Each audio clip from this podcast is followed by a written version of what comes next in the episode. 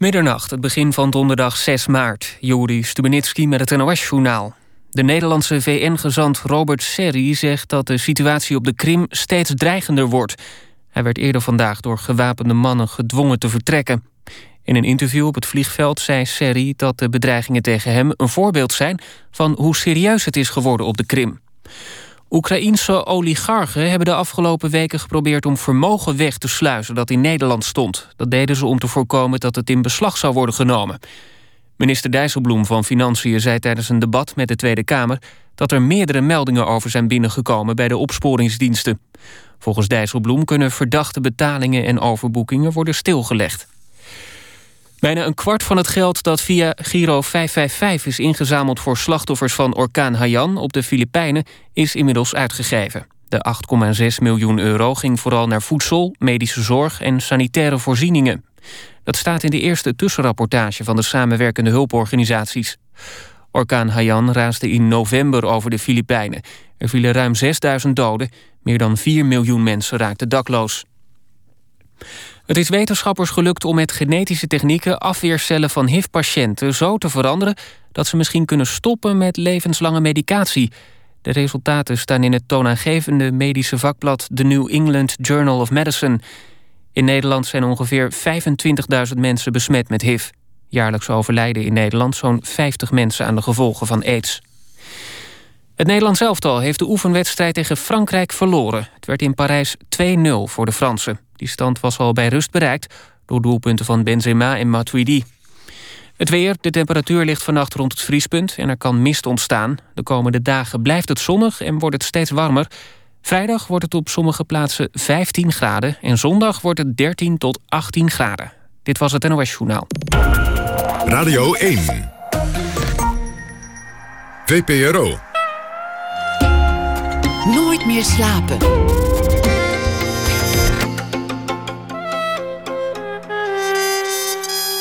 Met Pieter van der Wielen. Goedenacht en welkom bij Nooit meer slapen. Tussen 2008 en 2011 liepen fotografen van het collectief Sputnik door Oekraïne om het land te leren kennen. Thema van hun project: de diversiteit aan culturen al daar. Na ene praten we met enkele van die fotografen. En dan komt ook onze internet- en media-expert Tim den Beste ons bijpraten over allerlei prangende kwesties op het web. Maar we beginnen met de slechtste manier om de week te beginnen, zo heet het althans vorig seizoen. Of een kantoor waar alleen een invliegende Boeing verlossing zou kunnen bieden. Torenzee, de absurde, hilarische televisieserie over kantoormensen, is weer terug op tv vanaf 17 maart. Al sinds 2008 spreken Maaike Meijer en Margot Ros tientallen types en alle sketches die schrijven ze zelf. Welkom allebei. Welkom. hallo. Ja, dan, dan is altijd voor de luisteraar de vraag: wie is eigenlijk wie? Wie is nou Maaike en wie is nou Margot? Maar jullie kunnen zoveel stemmen dat jullie volgens mij ook elkaar zouden kunnen, kunnen imiteren. Maaike. Uh, ik Kijk naar Margot. Ja, Margot. Maaike. Ja, ja, Margot.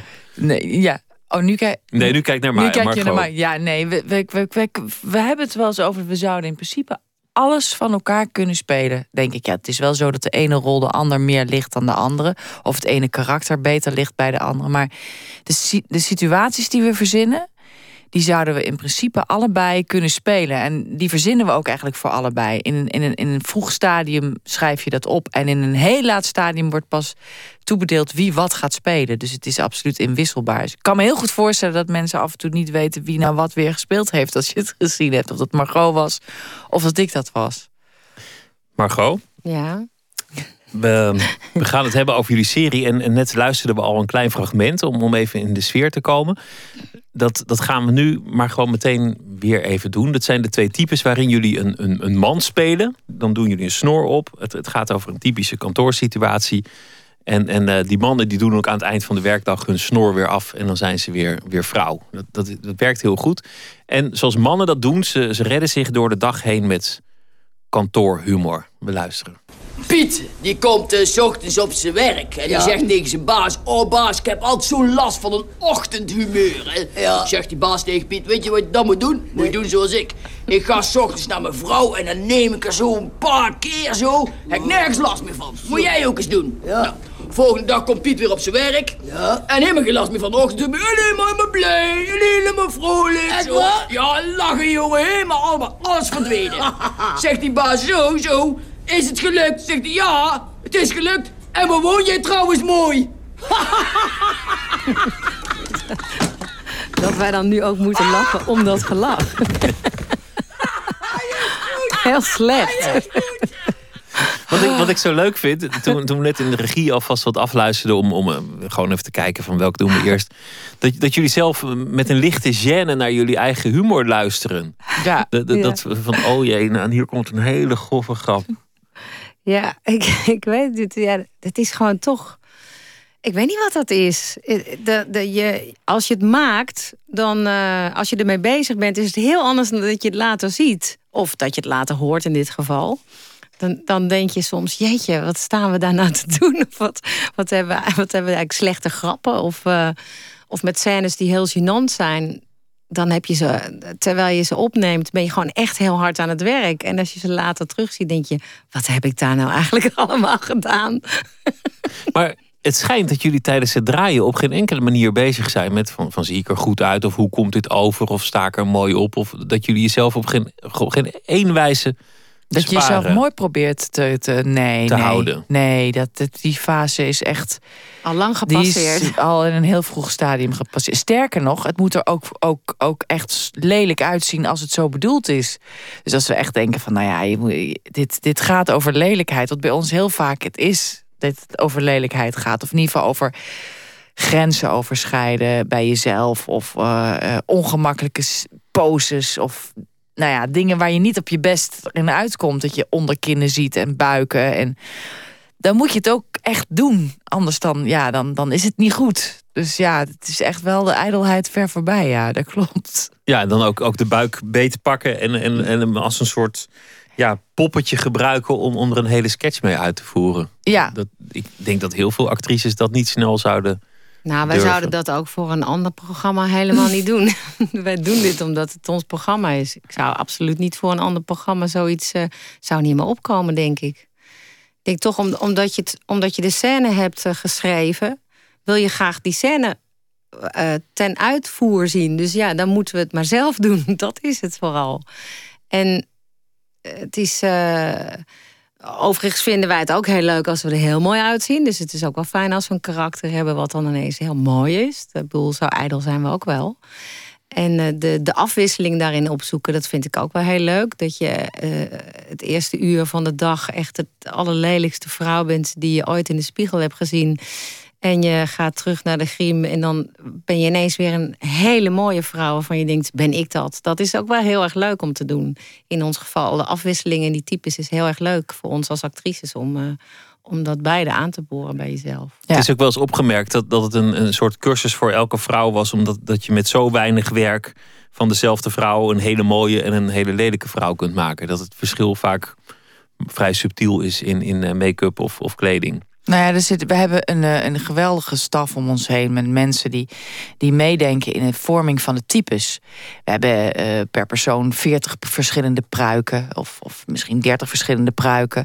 We hebben eh 30 verschillende kostuums en kleding. En dat wordt allemaal in meegedacht. En het is wel ongelooflijk dat je in soms op één dag drie of vier zelfs gedaanteverwisselingen kunt hebben, kunt hebben waarin je jezelf echt niet terug herkent. Dus dat je, dan ben je extreem iets anders van een heel lekker wijf naar inderdaad een intense, lelijke, suffe muts met hangtieten en alles. Dat, dat, dat je dat. Daar, hebben, daar zijn wij zelf ook wel de hele tijd nog steeds Nou, versteld van. Dat ja, dat jij speelt kan. dit jaar, Maaike speelt dit jaar een rol. En als ik met haar die- eh, eh, op die dag eh, een scène deed in de, als dat type, dan had ik echt eigenlijk niet door dat ik met Maaike een scène stond te spelen. Want het is gewoon een totaal andere vrouw. Dat, dat ik zelfs na een uur eh, dacht, ik is in de verste verte niet herken dat Maaike tegenover mij staat. Omdat de stem anders is en de gebit is anders. En de, hele griem, het, het hele totaalplaatje is, oh verschrikkelijk. Dat is zo'n soort verschrikkelijke vrouw. Dat staat helemaal, het heeft niets meer met Maaike te maken. Dus dan speel ik eigenlijk een, eh, een uur of twee met een, met een andere actrice. Ja, dat, is wel heel wonderlijk. Maar ja, dat, we hebben hele goede mensen om ons heen. Want je zijn het met eigenlijk weinig werk. Maar dat is behoorlijk wat werk toch wat daarin gaat zitten. Want het zijn allemaal echte pruiken. Het is allemaal echt haar.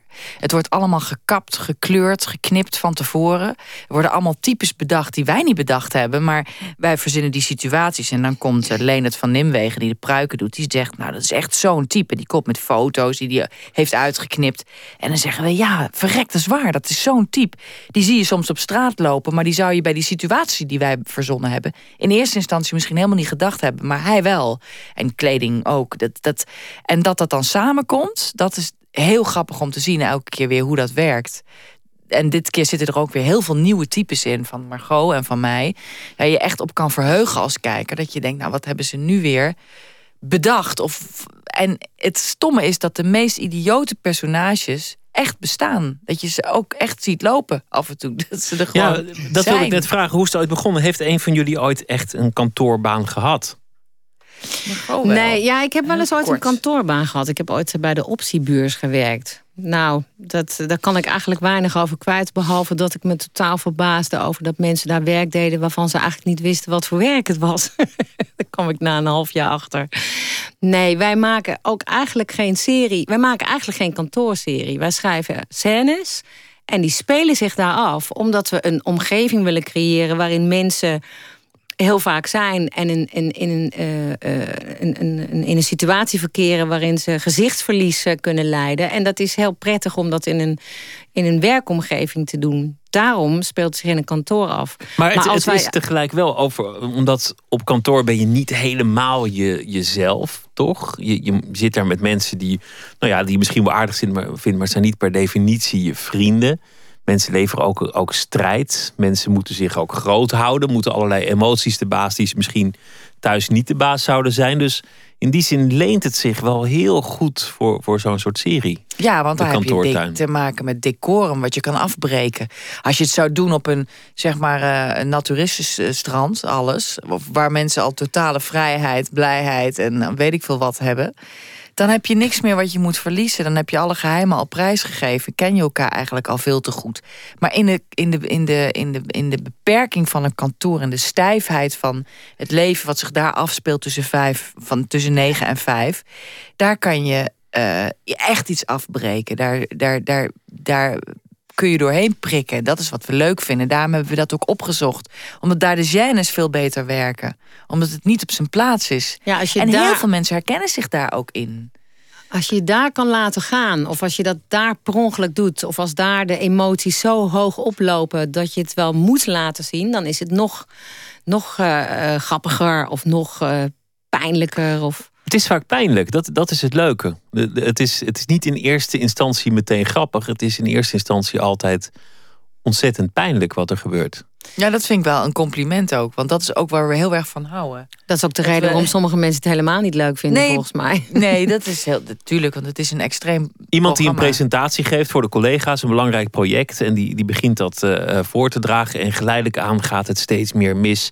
En uiteindelijk barst in tranen uit, gaat uh, hysterisch onder de tafel liggen. En dan neemt het die absurde wending. Maar het begint met dat pijnlijke, wat volgens mij iedereen die wel eens een baan heeft gehad, wel herkent. Ja. Het is wel, je moet wel zorgen, wij, moeten er wel zorg voor dragen dat je in het begin van de scène in ieder geval wel iets, of, of het, eh, het, de persoon die daar staat herkent, of het gevoel. Je moet je wel in kunnen inleven erin, want anders dan, dan kan je nooit een grap maken. Dus we moeten wel zorgen dat mensen, dat we niet te uh, absurd al beginnen. En dan de mensen langzaam meenemen in onze wereld. Wat zou er gebeuren als die persoon dan in dit geval echt breekt en vervolgens huilend onder de tafel gaat liggen? Zo, zo werkt onze fantasie een beetje. Na het terugzien van een, van een aantal afleveringen van verschillende seizoenen dacht ik, waarom doen we dit eigenlijk nog? Kantoren. En dat bedoel ik niet met dédain, want, want mensen hebben mhm. gewoon banen en die doen ook nuttig werk en dat moet allemaal absoluut gebeuren. Maar waarom bestaat dit eigenlijk nog? Zo'n kantoor met, met, met zo'n koffieautomaat en zo'n kopieermachine en, en iemand is jarig en er is taart en, en gewoon dat, dat hele getut nou ja, voor heel veel mensen is het, is het, is het, eh, die spenderen daar meer tijd dan met hun eigen partner of met hun eigen kinderen van hun leven tot aan hun pensioen. Voor heel veel mensen is het hun werkelijkheid en hun wereld. Dus die weten ook vaak niet beter. En zijn ook misschien vaak daar wel heel gelukkig in, in die begrenzing en in, die, in dat klimaat. Ik denk dat het ook ik denk dat je op moet passen met dat te veroordelen, omdat ik echt geloof dat heel veel mensen er wel heel blij mee zijn. Kijk, wij nemen het op de hak omdat het ons heel goed past. En als je in een gebouw zit met, met, met uh, eh, 20 verdiepingen en je ontdekt dat inderdaad de ramen niet open kunnen, er helemaal bovenin, zodat je er ook niet uit kan springen. Anders zou je dat namelijk doen, misschien wel. Dan heb je. Dan, dan word ik daar heel ongelukkig van. Maar ik ik denk dat er echt heel veel mensen zijn die dat, die dat prima vinden. Je maakt volgens eh. mij toch op je werk een mini, mini. Of je probeert dat, wat je net zegt over er is iemand jagen... en dan ga je taart uitdelen. Je, en je hebt je vriendjes en je hebt je vijanden. Ja, ik denk net je dat hebt je poep-wc. Dat schijnt namelijk zo te zijn. Dat er gewoon, je hebt de gewone wc's, maar je hebt ook wc's waar mensen gaan poepen. Je hebt ook mensen die de dus- hele dag niet poepen, omdat ze alleen maar thuis willen poepen op hun eigen wc. Ja. Ja, dat klopt. Dat zijn de dingen die niemand bespreekt, die, die jullie lekker wel bespreken. Zoals ook uh, masturberen op het werk. Er zijn onderzoeken die zeggen dat dat veel gebeurt. Heel veel. Ja, en op, op toiletten. Uh, hier ook, denk ik. Hier? Gebouw. Nee, oh, dit, we zitten in het gebouw van de NOS. En daar gebeuren dat soort dingen echt helemaal niet. Want dat zijn allemaal nieuwsjunks die denken als ik nu ga masturberen, dan weet ik niet hoe het in de Oekraïne is. Dus ik, uh, ja, maar die moeten ook stress kwijt. Dat, dat zijn weer Nieuws... zes ANP'tjes gemist. Nee, nieuwsjunks moeten ook een stress kwijt. Ik denk het juist wel. Ik denk het niet. Nee, ik, Zou, ik, heb eh, hier gewerkt, ik weet, ik weet dat soort ja, dingen. Maar het is wel zo. Er is inderdaad onderzoek naar gedaan en het klopt. En er wordt ook gesext en er wordt enorm geflirt en er wordt enorm, uh, enorm veel porno gekeken op sites als iemand even weg is. En er wordt ook enorm op telefoons gebeld met geliefdes en ge-sms'd. En want het is natuurlijk, dat is logisch. Want dat heeft ook te maken met ons programma. Dat de behoeftes van mensen en, en, uh, en het, dat je ergens uit wil, aan wil ontsnappen. Dat gebeurt dus ook binnen die tijd dat je daar op kantoor zit. Daar gaat ons programma natuurlijk heel erg over. Het is één grote ontsnappingspoging die wij laten zien. Dat is het, ja. Dan is er één groep die daar wat, wat, wat minder goed uit lijkt te springen dan een ander. Dat zijn namelijk vrouwen. Mannen die, die, die doen hun snor op, de, de twee bewakers. En die hebben dan humor. Die, die doden de tijd met, met grappen die het eigenlijk nog veel onverdraaglijker maken. Kantoorhumor is bedoeld om de boel te verlichten, maar maakt het uiteindelijk natuurlijk ondraaglijk in veel opzichten. Maar vrouwen die, die lopen, althans in jullie serie, vaker vast dan mannen lijkt het. Maar hoe, hoe bedoel je? Dat ze, dat ze gefrustreerd raken? Of dat nou ja, ze, dat, dat, nou, ze, dat vrouwen eigenlijk... zijn bij ons wel vaker het bokje. Dat is natuurlijk omdat wij twee vrouwen zijn en dat mogen opschrijven. Je voelt een onbegrensdheid. Omdat we vrouwen zijn, mogen we lekker vrouwenvriendelijke grappen maken. Dat is, dat is natuurlijk ook wel. Uh... Een Surinamer die kan uh, grappen over zwarte maken. En een Jood die kan, uh, kan grappen maken over Joden. En dat is natuurlijk. Iedereen kan dat alleen maar over zijn eigen groepering of, of, maken. En vrouwen kunnen veel verder gaan over vrouwen dan mannen dat ooit kunnen. Heel veel mannen zeggen ook vaak tegen ons van... Je, ja, dit, jullie gaan zo ver. Ik durf daar helemaal niet naar te kijken. Ik durf het ook helemaal niet aan te raken, dat gebied waar jullie het over hebben, bij wijze van spreken. Dat komt inderdaad omdat het uit ons komt. Daardoor eh, maakt het geen bal uit hoe ver je gaat, want je bent het altijd zelf. Maar er, er, worden, er worden hele boeken volgeschreven over het glazen plafond en, en, en de vrouwen in de mannenwereld. En, en dat vrouwen uh, anders communiceren dan mannen. En, en dat vrouwen dingen persoonlijker maken. En, en al dat soort dingen zie ik eigenlijk wel terug in jullie serie. Dus volgens mij hebben jullie daar wel gedachten over. Ja, zo, zo bewust dat wij nu uh, tegenover elkaar gaan zitten op kantoor en, tegen, en, en nu gaan we gaan dit Nu gaan we iets over het glazen plafond schrijven. Nee. Dat, zo gebeurt dat niet. Maar ja, je, je leeft in deze wereld en je maakt dingen mee in de wereld waarin we nu leven. Dus dat, dat gebruiken wij. En dan is het maar net op wat voor ideeën we komen. En dat maakt soms gebruik van stereotypen of stereotype emoties die je. Of, of nou ja, soms is het ook nodig voor een scène om het echt te overdrijven. Om een vrouw dan in dit geval, ik weet, mijn fysiotherapeut ooit zei: Ik heb echt een hekel aan al die vrouwen die bij jullie maar gaan huilen. Daar moest ik ontzettend om lachen. Dat vond ze heel vervelend. Vrouwen die in huilen uitbarsten. Dat gebeurt kennelijk bij ons regelmatig. Ik was me daar niet zo bewust van. Maar ja, we zijn niet zo bezig met een soort. Laten we nu eens een scène maken over uh, hoe vrouwen uh, in, in, de, in de zakenwereld zijn. Maar uiteindelijk blijkt een scène daarover te gaan. Zo, Ja, maar alle, alle types komen erin naar voren. De, de, de iets te harde vrouw die erg op de, op de doel afgaat. Of de iets te harde man trouwens ook. Mhm. ja. of, of vrouwen die onderling heel vals kunnen zijn onder de gordel over elkaars uiterlijk. Mhm. ja. dat, dat mannen begrijpen dat vaak niet zo heel goed. Maar dat schijnt onder vrouwen heel erg eh, te bestaan. Vals het schijnt, ja. ja. Ja, nee, dat, het, het gaat inderdaad altijd over elkaar aftroeven. Of over hoe je die man kan krijgen. En uh, hoe je hem. Uh, het, is, het is, heeft heel vaak een seksuele lading. Uh, om, um, waar, je, waar je een uitweg in zoekt. En omdat we allebei uit het theater komen. Want we hebben eigenlijk daar, daar zo vaak gestaan dat je weet van je moet het publiek tot achterin de zaal weten te bereiken met je fysiek.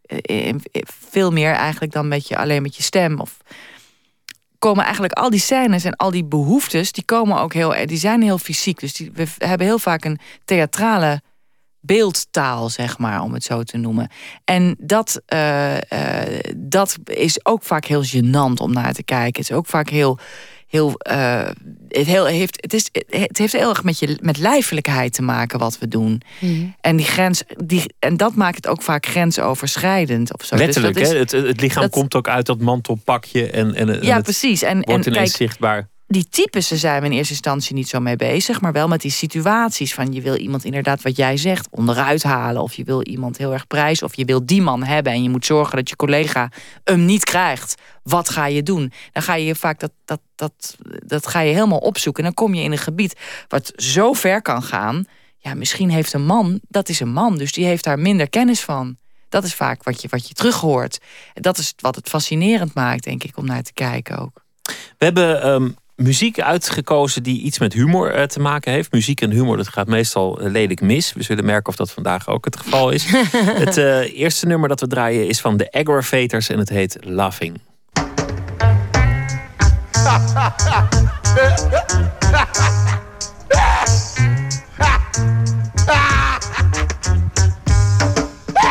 Run, Babylon.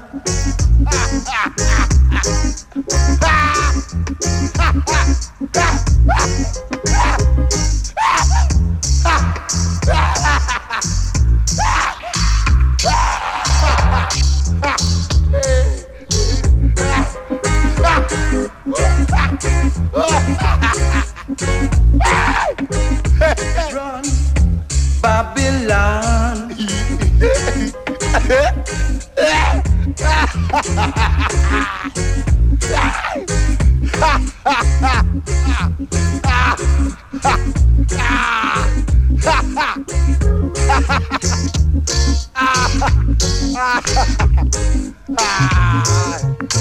to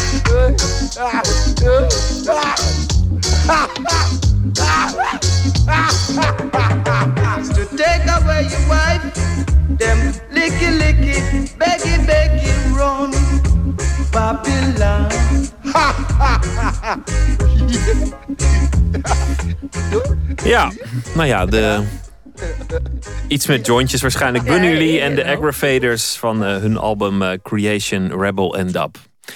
Morgen in de agenda zetten. Goed gesprek met de muzieksamensteller. We gaan, uh, we gaan het hebben nog over um, Toren C. de twee dames zijn hier. Margot en Maaike. jullie schrijven alles zelf. Jullie bedenken alles zelf. Jullie, jullie spelen alles zelf. Jullie improviseren eigenlijk heel weinig las ik. Dat als, verbaasde ja, mij. Ja, als wij, uh, als wij improviseren, dan is het eigenlijk vooral aan onze computer. Dan spelen we het een beetje voor of we lezen elkaar voor. En terwijl we voorlezen, doen we het half. Maar op het moment dat het af is, is elk puntje, puntje, puntje, elke stilte, elke e en a staat genoteerd. En doen we eigenlijk. Uh, helemaal niets meer op het gebied van improvisatie. Bij de portiers, Bij de portiers wel. Ja, dat is wel leuk ook. Maar hoor. dat is vaak ook heel slecht. Dat is dan ook heel, eh, vaak heel slecht. Maar dan kunnen we wel een beetje losgaan. Want dan zit je daar maar achter dat bureau. Het is vaak een uh, zijn we met z'n tweeën de hele tijd in beeld. Dus kan je ook makkelijker improviseren. En daar hebben we gewoon altijd een lijst tussen ons in liggen als we dat gaan filmen. En op die lijst hebben we gewoon uh, nou, 50 moppen. En we hebben nog een paar grappige situaties.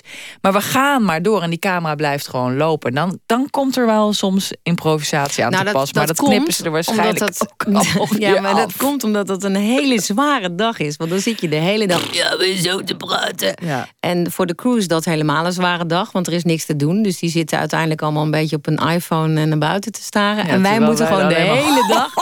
Oh, je nog een leuke bak. Het, is- het is dag, eigenlijk ja. de, de grootste hit van de serie geworden. De twee portiers. Die zijn er ook vanaf het begin al bij. En, Ja. en eh, ook, nou ja, zoals ik zei, ze doen, ze doen kantoorhumor. Dan doen ze de snor af. En dan zijn ze ineens kwetsbaar. En dan hebben ze alles persoonlijk opgevat. Dan zijn het gewoon. Vrouwen, ja. Ja. Ehm, er is zelfs een carnavalhit eh van gekomen. Ja. Daar gaan we een klein stuk van draaien. D- dit is pas de gecensureerde versie, heb ik me laten vertellen. Maar eh, mo- moet ik de luisteraars nog waarschuwen? Of Maar dan blijft er niks over als je de gecensureerde Nou. versie. Wat blijft er dan? Hoor je alleen maar. het is niet, laat ik zeggen dat het, het is niet zo heel goed gecensureerd. Oké, daar ben ik blij op. al wat haar daaronder aan de buik. Dat is geen landingbaantje, nu. maar een hele grote struik. Soms zeg ik draai je om, want dan valt het nog wel mee. Dan kijk ik naar je reet en niet naar die behaarde snee. Ze heeft daar regenwoud. Ik ging eens naar beneden en dat bleek een grote fout. Het was een aarde donker, wat ik nodig had al daar. Een zwaai ligt op mijn kop en te vreten voor een jaar. Mag ik 25 bier? Ik ga nog niet naar huis toe. Ik durf niet, ik durf niet. Mag ik 25 bier? Ik durf niet naar huis toe. Ja, Over mag ik 25 eh, bier. Nou, er zit vast wel iemand ergens eh, rechtop in zijn bed nu. Maar ja, precies. Ik durf niet naar huis toe. ja, nog maar, nog maar 25 bier. Hoe begint zo'n zo'n sketch? Want, want deze improviseren jullie dan nog wel, die, die twee eh, beveiligers. Maar achter de computer, iemand maakt een opzet, de ander eh, reageert. Of bespreken jullie dat van tevoren? Hoe, hoe, hoe werkt dat? Het wisselt. Het begint altijd met, heel, met op. We hebben een kantoor. Gaan we lekker koffie drinken? Gaan we de dag doornemen? De kranten, de, de- wat we gezien hebben gisteravond op tv, wie we gesproken hebben. En heel vaak heeft iemand een idee al, of op de fiets, of het ontwikkelt zich terwijl we aan het kletsen zijn. Of we kijken YouTube-filmpjes heel veel. Of favoriete series nog eens een keer terug. En dan ontwikkelt zich altijd wel weer een nieuw idee of meerdere ideeën. En die gaan we dan uitwerken. En dan gaat meestal één iemand gaat eraan zitten. En de ander eh, die, die, eh, die helpt mee of die beeldt het uit. En dan schrijven we eigenlijk het samen op. Laat het soms ook weer weken liggen en komen er dan op terug. En gaan we weer iets anders doen. Het kan ook zijn dat we allebei even aan een andere scène zitten te werken. Maar het is echt een, een soort heen en weer tikken van ideeën. En ja. In de eerste seizoenen gingen wij vaker eh, zelf aan een scène werken. Maar dat is op de een of andere manier. De afgelopen seizoenen hebben wij eh, vaker dat wij gewoon met z'n tweeën tegelijk in de tekst zitten te werken, omdat het dan sneller gaat. Dus dan, eh, het was regelmatig, dan heb je een scène uitgeschreven, dan lees je hem voor. En dan, nee, dan was, je de hele andere verkeerde kant op gegaan. Dan moet je weer helemaal opnieuw beginnen. Dit gaat sneller. Dus je werkt dan op een dag soms maar één scène uit. En soms eh, staan er drie in de grondverf. En soms is er ook wel eens een dag waarop je enorm hard zit te werken. En dan gebeurt er niks. Schijten, komt Dan heb je gewoon een zwaar drama zitten schrijven. En de Dat een gebeurt springt ook. op en die kan iets voorspelen ook. Dat, omdat, dat, omdat we natuurlijk toch allebei dat, dat daarvan houden. Zit die andere achter de computer en die ander kan het beeldend krijgen. Waardoor diegene die zit te schrijven daar ook weer naar kan kijken. En breng je elkaar weer op ideeën. Dat helpt ook. Je zit niet de hele tijd stijf achter die computer, want dat werkt natuurlijk niet. Maar in, in het begin was het nog, nog redelijk, eh, ehm, nou ja, binnen, binnen de lijnen. Maar het lijkt wel alsof met de serie gaandeweg het steeds absurder is geworden. Alsof, alsof de scènes steeds Ja? verder ontsporen. Ik heb het gevoel dat wij in het eerste seizoen ook echt, ab- echt absurde beelden hadden, in ieder geval. Daar zijn, op de een of andere manier zijn we dat minder gaan doen, omdat we de serie iets toegankelijker wilden maken. We hadden het idee dat we in- het eerste seizoen toch wel soms moeilijk bezig waren voor mensen. En aangezien we toch voor iedereen wat wils eh, willen hebben. Niet alleen maar eh, hele moeilijke scènes die heel langzaam achter elkaar gaan. En af en toe korte scènes. We hebben veel kortere scènes geschreven die makkelijker te behappen zijn. En, eh, dus ik heb het idee dat dat eigenlijk niet zo is. Maar misschien ziet het er zo uit. Ik heb niet het idee. het is zelfs zo dat wij dit jaar tegen elkaar hebben gezegd: laten we nog eens even in de absurde hoek van ons hoofd eh, gaan zoeken. Wat we nog aan ideeën hebben. Omdat het vaak ja, gewoon lijkt. Maar misschien zijn we inmiddels zo verpest dat alles Ik gewoon. denk dat eh, laatst hoor. ja, dat Wat- alles gewoon lijkt. Van, eh, van een van de vorige seizoenen. Een, een collega zit te zingen aan de andere kant van het bureau. Het, eh, het, het, het liedje Loving You van Minnie Ripperton. Met die, Mhm. met die hoge uithalen. Ja. En dan komt ze bij die hoge noot. En die andere die kijkt dan afwachtend van... Oké, kom, Kom dan. maar op, ja. En dan, Die, ja. en dan stormt ze weg om een, om een helium... eh, om, om even wat Mhm. helium aan haar mond te zetten... zodat ze die hoge noot haalt. Dat is een, dat is een totaal absurde wending. Ja, dan hoor je op een dag dat liedje weer. En dan denk je, god, hoe zou die vrouw dat eigenlijk ooit gedaan hebben? En dan ga je in je hoofd, dan leg je een, een linkje ergens in je hoofd met...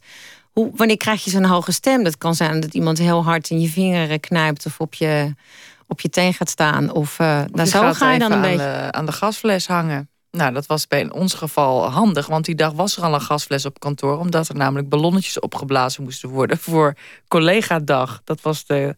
Oh, dus dat, lag- de apparaat ja, was er precies. al. Dus je kon die scènes mooi aan elkaar krijgen, terwijl die voor dat moment ook heel goed werkte. Maar Ja, hoe werkt dat? Dat is een, volgens mij een, een soort plek in je hoofd waarbij het dan samenkomt. Dat je denkt, nou, hoe, wat is nou het allerleukste? Waar heb je nou zin in om dat nu te doen als je niet die hoge noot kan halen?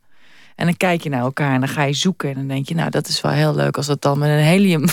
Met een heliumapparaat. Er is ook een, een man die, die er altijd bij betrokken is. eh, Albert Jan, jullie eh, regisseur. Ja. Mhm. Dan is de scène al af en dan moeten jullie het aan hem voorleggen. Mhm. Hij speelt eh, sinds een aantal seizoenen ook altijd een, een rol. En dan is hij eigenlijk altijd eh, het haasje in, Ja. in, de- in, in de serie. Ja. We gaan luisteren naar, een, naar één zo'n sketch. Dat, dat is bijna een hoorspel. Dan, eh, dat gebe- gebeurt in de lift. Hij is bang voor honden. En eh, twee dames met een agressieve hond staan ook in die lift.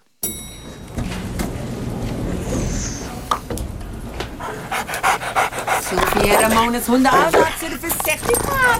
Ja, mevrouw, zeker. Wij kunnen uw hond uitlaten. Wat het kost? Dit is een dagtarief van 175 euro. Daar schrikt u van. Maar daarvoor krijgt u een buswandeling in het park, eerste klas hondenvoer en we voeden hem op. Wat sta je nou te kijken, pannenkoek? Volgens mij mogen hier geen honden naar binnen hoor. Ah, maar dit is voor ons werk. Wij zijn een hondenuitlaatservice. Pardon? Een hondenuitlaatservice? Als jij geen tijd hebt, laten wij je hond kakken. Ja, maar dit is een gebouw voor mensen en niet voor dieren. Ah, wat doe jij dan hier? Hamster? Nee, haal die hond weg. Hou hem bij je. Echt niet, hij moet niet aan me zitten. Ben je bang of zo? Hou hem gewoon bij je, oké? Ah, wat erg! Wat is er dan? Ah, Nero hier. Die, uh, die ruikt het als je bang bent en dan gaat hij happen. Nou, hou hem dan gewoon. Hou hem gewoon. Hou die hond weg. Nee, maar serieus, hou die hond weg hoor. Echt.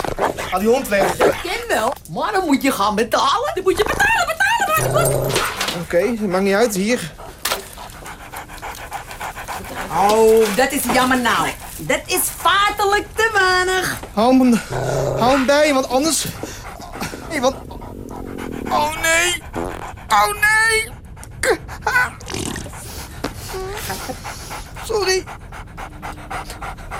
Gadverdamme! Wat erg! Het is ook erg. Excuus. Wat erg! Het is heel erg. Wat is er dan? Hij heeft in zijn broek gescheten, hoor. Gadverdamme, ik dacht dat het Nero was. Nee. Gadverdamme, gadver. Hier is een kakzak. Ruim het even lekker zelf op. Ja, daar ben ik weer. 175 euro, hè? Ja, dat is het dagtarief. Dat kennen we uw hond laten kakken. Eh, uitlaten. Ja. Weer zo'n moment dat jullie allebei blozen bij het, bij het horen van jullie eigen eh, grap. Grappen over fecaliën, dat, dat is iets waar veel mensen toch vanuit de buurt blijven in, eh, in de, de komische sector, zeg maar. Ja, ja. ja, En jullie gaan er gewoon eh, ja, We gaan er vol op in. af. Ja. Ja, we hadden Vol dit in. jaar een moment eh, dat we aan het, eh, aan het schrijven waren. En toen. we hebben elk jaar eigenlijk apart wel eens een moment van... ja, hebben we niet te veel grappen over poep. en, en, en dit jaar was het... keken we elkaar aan en toen zei jij tegen mij... zei Maaike tegen mij... nou, sterker nog, ik vind het eigenlijk gewoon veel te weinig. Dus dan hadden we bedacht... we gaan één aflevering helemaal alleen maar over poep doen. Dan zou het Open Riolendag zijn in Torensee... Dat vond ik zelf heel leuk. Dan kon je het riool gaan bezoeken en dan ging dan helemaal mis. En dan zou het hele gebouw uiteindelijk door alle problemen die we onderweg in de aflevering tegen zouden komen, in zijn eigen stront zakken. Ja, Dat vinden we eigenlijk gewoon. dat- dat- Daar hebben we geen tijd voor gehad om dat te doen. Eh, helaas eh, konden we dat niet waarmaken. Maar eh, op de een of andere manier worden we er toch blij van. En het, het, grappen maken over poep is, is flauw, maar is ook gewoon ontzettend leuk. En het is een taboe en daarom is het leuk. Omdat iedereen ja, de- iedereen poept. De koningin ook op het toilet. En dus daarom wij ook zo. We- Daarom ja, het vinden is een heel leuk. kinderlijk soort iets waar, waar wij gewoon elke keer op terugkomen. En Volgens dat- mij is de dat- reden dat het, dat het werkt, dat, het- dat het dan zo ver gaat. Dat het dan ook niet, niet een, een, een grapje over poep is, maar dat het dan echt volledig losgaat en dan ook een slapstick wordt. Dus dat er niet, Mhm. alleen, niet alleen wordt de hele kamer ondergescheten, maar vervolgens glijdt er ook nog iemand uit en, en daar struikelt weer iemand over. Dus, dus het, het gaat meteen ook zo ver over de top dat het, dat het geestig wordt. Ja, er zijn ook twee kunstenaars, ik ben even hun naam kwijt, maar die, die kunstwerken van poep maken. Ik bedoel, er zijn, ik, ik, zou, ik zou de eerste zijn om toe te geven dat ik misschien in een anale fase ben blijven hangen. Ik weet niet wat het is, laten laten maar een psycholoog op los. Maar we hebben daarin wel enorm elkaar herkend. Dat is wel een feit. En ja, dat, als je daar niet van houdt, dan moet je ook echt niet naar ons kijken. En het zal ook ooit wel ophouden, denk ik. Maar Ik het gaat het over niet, allerlei dingen die uit. Nee, Nee. ik denk, nee, denk ik ook niet. Nee, maar het gaat, over allerlei dingen die uit je lichaam komen. Het gaat ook over, over, over kots en plas. En denk niet, ja, dat klinkt nou heel onsmakelijk, omdat ik het allemaal achter elkaar noem. Het zijn ook andere scènes. Ook, die er niet over gaan. Maar het gaat over. Dat heeft allemaal te maken met jezelf binnenste buiten keren en ongemakken. En, en eh, ja, dat, dat, het, het verlies van dat- decorum en wat je eigenlijk binnen wilde Het houden. is de extreme nou ja, vorm precies. daarvan. Ja. Maar jullie, jullie worden herkend op straat. Eh, jullie hebben ook eh, kinderen. eh, ja. in een, in een tienerleeftijd. Is, er, is die scène die jullie net hier aan tafel hadden... ook in het dagelijks leven wel eens aanwezig? Dat je denkt, Nog even in jouw poep wordt herkend. Nou, ik kan Nee. dat na 17 maart, dag van de eerste af- aflevering nu weer, kan ik dat pas echt zeggen. Want ik weet niet, mijn zoon is inderdaad 14 en die vindt het ontzettend leuk en die is ook heel trots. En eh, zijn klasgenoten vinden het ook een leuk programma over het algemeen. Maar soms ook helemaal niet. Want je moeder een de zoveelste keer in een of andere onhandige pose zien zitten op een tafel met de zoveelste man. Ik bedoel, dat is niet makkelijk. Dus ik weet niet. Ik kijk een beetje. Voor het eerst met angst en beven zie ik dat tegemoet hoe hij hierop gaat reageren. Dat, ik, ik weet het niet. Ja, mijn kinderen zien het niet. Mijn kinderen zijn eh, 9 en Tot 11. nu toe, maar nu wel misschien. ja, het is heel wonderlijk. Ze hebben er helemaal geen behoefte aan. En ik stimuleer dat ook helemaal niet. Dus dat hou ik heel, eh, heel erg voor me. Maar zij hebben wel op school... eh, mijn zoon Jan, die is elf, die, hebben, ja, die heeft vrienden die het wel zien. Maar op de een of andere manier eh, heeft hij er geen behoefte aan. Is hij denk ik bang dat hij zich gigantisch gaat schamen. Ja, ik laat het maar zo. ah, het komt wel goed. Tiener, als tieners dat niet kunnen hebben. We gaan weer luisteren naar zo'n eh, zo'n plaat waarin gelachen wordt. Ik, ik hoop dat die eh, beter is dan de vorige. Gorilla's en het nummer Oh. heet Feel Good.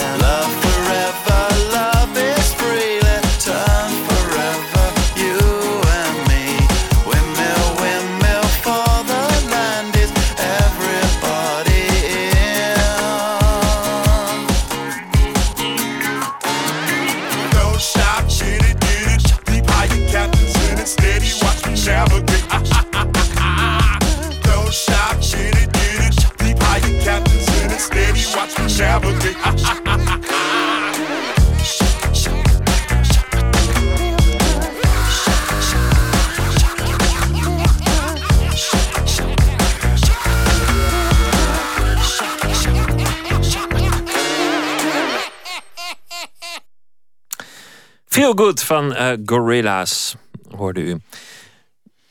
Toch nog even over de serie, want ehm, het, het wonderlijke is dat het, dat het een internationaal succes is geworden. Dat, dat, het, het begon met een pilot onder vrienden, die hebben jullie ingeleverd bij de VPRO. Die dacht, nou ja, ach, waarom ook niet? Die hebben, die hebben het gemaakt. Toen werd het in Nederland een succes, goed bekeken. En vervolgens een, een prijs in Zuid-Korea, een, een remake in Frankrijk. Ingezonden voor, voor de Emmys, geloof ik, maar het uiteindelijk niet geworden. Ja, die hebben ze. Ja, er waren met drie andere eh, nominaties. eh, waar- zijn eigenlijk ons programma, maar dan het in Frankrijk gemaakte genomineerd. Maar niet gewonnen, dat klopt. En toen, en toen naar Canada. Dat is de, de, de en nu. Canada, eerst was het eh, eh, Fr- eh, Franstalig en nu ook Engelstalig Canada heeft het nu ook gekocht en gaat het nu ook maken. Maar voor het eerst op onze manier. Dus dat wil zeggen twee actrices die alle rollen spelen. Want in Frankrijk hebben ze gewoon zeven actrices die dus eh, elk een rol op zich nemen. Dus dat is een heel andere vertelling. Ja, Frankrijk kent geen eh, sketchesprogramma's. Dus ze hebben daar mini-verhaaltjes als het ware ingezet. Dus je leert ze als karakter allemaal kennen.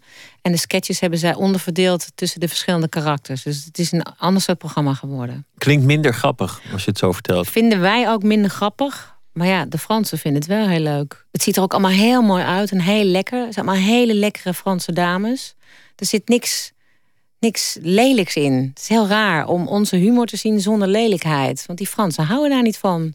Ze hebben ook dagenlang gepraat bij eh, de producent over de kleding die ze aan zouden hebben. En in de eerste serie kregen ze gigantisch veel commentaar... omdat mensen nooit hetzelfde aan hebben op kantoor. Dat vonden de Fransen heel raar. Terwijl wij hebben altijd dezelfde kleding aan, onze karakters. Die herken je eraan. Maar de Fransen kan niet in gingen daar echt... Dat, dat, dat kon echt niet. En toch hebben ze het aanvankelijk opgepikt. Dat is, dat is dan opmerkelijk. Dat ze dan wel de Nederlandse serie zagen. Of, of iemand en dacht van... God, Ja, ze waren een wat. van de eerste die, die, die super enthousiast waren. Juist ook omdat ze het in, eh, heel ver eh, vonden gaan en dat niet herkennen. Terwijl Fransen absoluut een, een traditie hebben in humor wel. Zoals Monsieur Hulot en dingen die, die voor hun... eh, eh, eh, ook zelfs Louis de Funès, echt specifiek Franse humor, hebben ze echt heel erg, vind ik. Ik moet er ook verschrikkelijk om lachen, dat is het niet. Maar het is nu, het is net alsof ze Toren C hebben gemaakt, wat gewoon meer glad gestreken is. Wel heel leuk, grappig nog steeds, maar minder hoekig dan wat wij maken. denk ik. Ja, maar dit is wel... In Frankrijk gaat dit heel erg ver. Ja. Zij hebben echt hun nek uitgestoken met dit programma. En ze dat hebben is de vieze dingen niet, niet, niet erin. Maar aan, aan, een, aan de humor kun je een cultuur leren kennen. Eh, Bijvoorbeeld Zuid-Korea. Daar kan ik me ook zo weinig bij voorstellen... hoe dat dan daar ontvangen wordt. Hoe die naar deze serie kijken. Nou, wij, hebben, wij, wij zijn uiteindelijk daar eh, de straat op gegaan met ons eh, programma om Koreanen te interviewen en te laten kijken naar onze scènes. En nou, daar kwam eigenlijk gewoon. Die waren alleen maar gechoqueerd. Ja, die, moeten, die, die hebben heel, net als Japanners een heel vreed gevoel voor humor. Het moet vreed zijn, mensen. We zijn naar een show geweest daar live, die elke dag al elf jaar op tv komt. Het is een show met waar heel veel interactie is en mensen vallen en elkaar met stokken slaan. En daar lachen ze keihard om. Wij zaten echt met verbazing te kijken. Dus dat vinden ze dan wel leuk. Ja, maar dat is Maar- omdat ze niet waarachtig eh, spelen dat ze echt pijn hebben. Dus je ziet meteen aan de acteur daarna dat dat niet echt pijn heeft gedaan. En Mm. dat doen wij natuurlijk niet. Wij spelen daadwerkelijk het gevoel wat daarbij hoort. En dat vergroten we dan wel uit. Maar dat hebben, dat hebben zij niet. Ze slaan elkaar heel hard met een stok. En vervolgens eh, lachen ze om, om de pijn op hun hoofd of zo. Ja. Ah, het En- is, het is, het is- ze, ze moeten er wel om lachen, maar vooral om de vrede dingen die wij doen. Dus meer de slapstick humor. Iemand, iemand die, die eh, Vallen, valt, slaan, struikelt. k- eh, klem komen te zitten. Maar dat is waarom natuurlijk een internationale. eh, dat het internationaal best te verkopen is, omdat het heel fysiek is wat wij doen. De, en, en dan kan ik me voorstellen, als je uit een hele andere cultuur komt en de taal niet spreekt, dat het zelfs zonder taal, zonder de taal te begrijpen, nog overkomt wat, wij, eh, wat zo grappig aan is, omdat we het heel fysiek maken. Ja.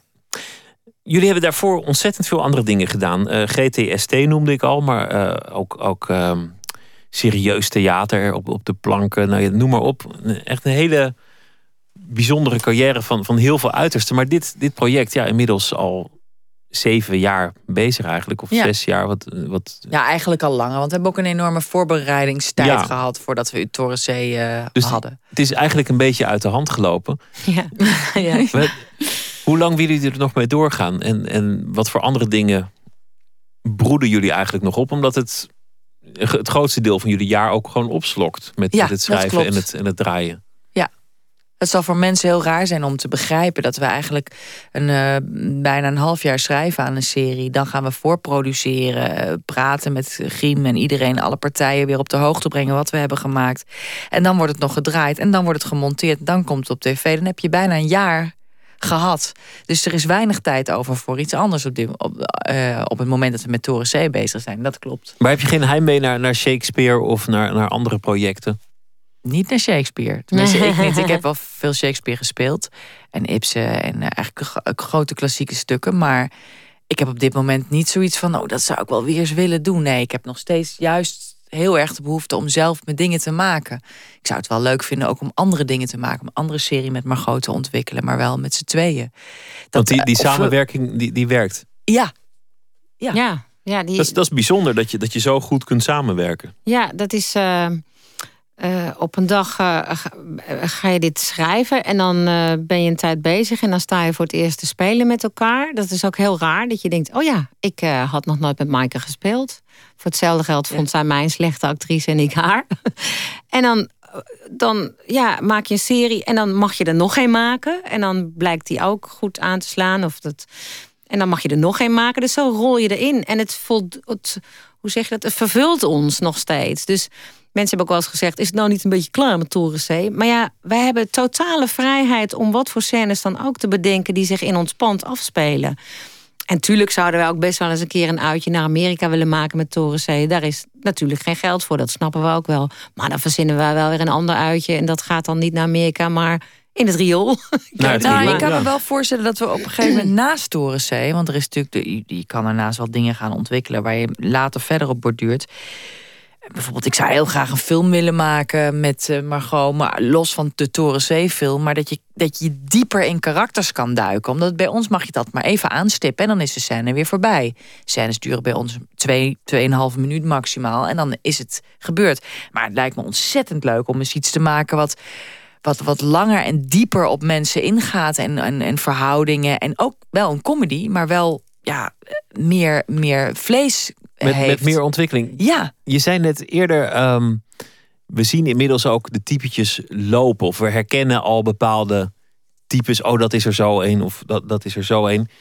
Wat hebben jullie ehm, geleerd in het, in het leven? Want jullie werken zelf niet op een kantoor. Maar jullie zeiden, ja, het gaat niet echt over kantoor. Het gaat gewoon over, over mensen. Mensen, ja. En, en hoe ze zich gedragen en hoe ze zich tot elkaar verhouden. En, en hoe ze zich proberen groot te houden. Zijn jullie daardoor anders in het leven gaan staan? Lekker diepe, diepe vraag. Maar Nee, door, door de karakters in Torensee. nou, ik kan me voorstellen als je de hele dag bezig bent met kijken naar mensen. En hoe ze met elkaar omgaan. En wat er eigenlijk aan de hand is. En wat er onderhuids. Nee, maar dit broeit. deden wij al. Dat is gewoon onze professie. Wij zijn actrices, dus je, je, je hebt al een fantasie over, over andere mensen dan jezelf. En op die manier sta je ook. Ja, dat klinkt nou heel zwaar, maar op die manier sta je ook in het leven. En kijk je naar mensen en hun emoties. En ja, we geven er nu op deze manier een uiting aan. Maar hiervoor deden we dat op het toneel in een stuk van een ander. Dus nee, op die manier heeft het mij niet eh, bepaald. Het heeft hoogstens op een ander niveau als maker, als programmamaker. Dat, eh, dat, dat het mij persoonlijk iets gebracht heeft. Maar niet via mijn karakters over mensen. Maar Niet dat ik nu nee, weet. dat heb ik ook niet. Ik heb wel dat, door, dat het met jezelf iets doet... omdat je door de jaren heen schaamtelozer wordt. Omdat je ouder wordt. En omdat je denkt, nou, je, je kan een heleboel ook achter je laten... als je ouder wordt en als je beter gaat schrijven... en er meer plezier steeds nog meer in krijgt. Dat je denkt, nou, dan ga ik dat pad eens bewandelen. En dat vind ik in die zin verrijkender. Ik Ja. denk dat we daarin ook beter zijn geworden. Ja, misschien is de noodzaak ook wel groter. Ja, nog dat, steeds. dat kan me wel voorstellen. Dat, dat, dat, je, zo is. dat je steeds meer een, een noodzaak of steeds meer eh, het voor jezelf moet waarmaken waarom je dit wil maken. Dat, ik denk dat dat wel, doordat we al zoveel jaren Toren C doen... je moet je natuurlijk elke keer blijven vernieuwen voor jezelf. Je kan niet zomaar ongestraft weer eenzelfde Van, we doen, eh, er- doen er scène nog doen. eentje, want het, Nee. want het eh, loopt zo leuk. Ja, nee. het is echt. Je gaat weer helemaal opnieuw beginnen. En het is weer helemaal van vooraf aan. Waar verbaas je over? Waar word je kwaad over? Wat vind je, wat vind je lekker om te spelen? En wat heeft zo'n grote noodzaak dat het het waard is om dat geld aan te besteden. om die scène te draaien? Dat je niet daar op een dag staat met 30 man op een set. Nou, we draaien het maar, want eh, we hebben zendtijd te vullen. Nee, dat, dat, is, dat is uit en boze. En die passie is eigenlijk steeds groter eh, aan het worden, heb ik het idee. Ja. 17 eh, maart, dan, eh, dan begint de nieuwe serie. Dat is op een maandag. En de vrijdag ervoor dan is er ook een Torenzee Vrijmibo. Die wordt, eh, wordt georganiseerd. Meer informatie daarover te vinden via de VPRO waarschijnlijk. Of, of weten jullie uit het hoofd wat dat inhoudt, een Torenzee Vrijmibo? Ja, nou, uit het hoofd. Ja, de, de, de VPRO heeft een voor leden en nieuwe leden... een, eh, een eh, gezellige vrijmibo georganiseerd... waarin je ons eh, kan ontmoeten. Waarin wij vertellen over hoe wij het programma maken. Waarin je de allereerste aflevering... voordat de rest van Nederland het ziet, te zien krijgt. En waarin er zelfs een bingo is met spullen uit uh. En ik kan je vertellen... de- de- de- dat past niet allemaal achter op je fiets. Dus kom met je brommer. Dus kom met de brommer op de of een brommer. aanhangwagen. En eh, dus eh, kom lekker na het werk eh, naar de Vrijmibo. En ehm, laat je heerlijk, eh, nou ja, sluit je, sluit je zware werkweek goed af met ons. Het is, slecht. Het is te googlen of via de website van eh, Nooit meer slapen, vpro.nl slash nooit meer slapen. Dank jullie wel eh, en eh, heel veel succes met alles wat jullie gaan doen. En met de nieuwe serie vanaf 17 maart op televisie. En we hebben nog zo'n grappige plaat. David Bowie, The Laughing Gnome uit 1967.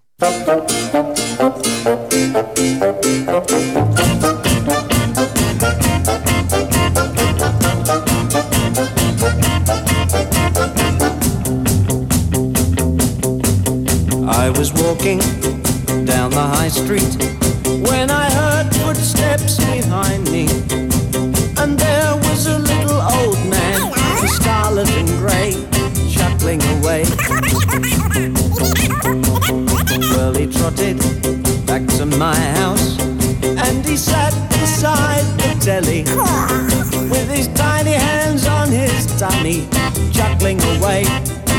Laughing all day. Oh, to report you to the gnome office. Gnome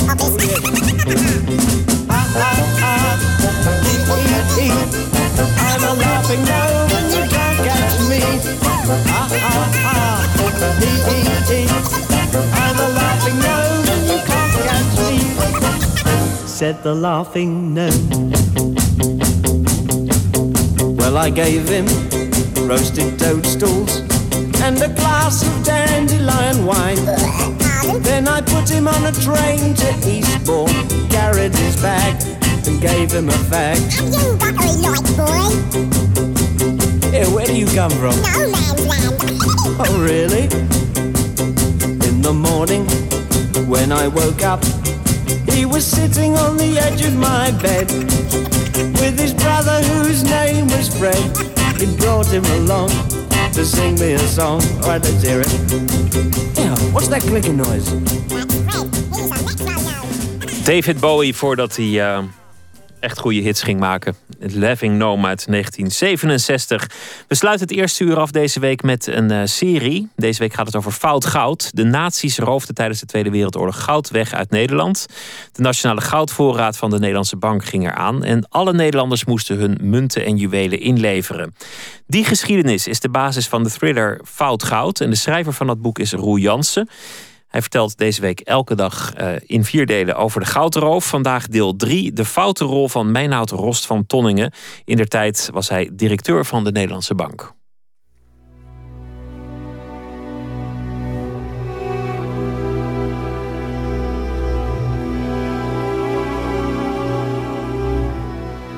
We staan hier bij het gebouw van de Nederlandse Bank aan de Oude Turfmarkt in het centrum van Amsterdam. Het is een oud neo-klassiek, klassicistisch gebouw. En hier was de Nederlandse Bank gevestigd tijdens de oorlogsjaren.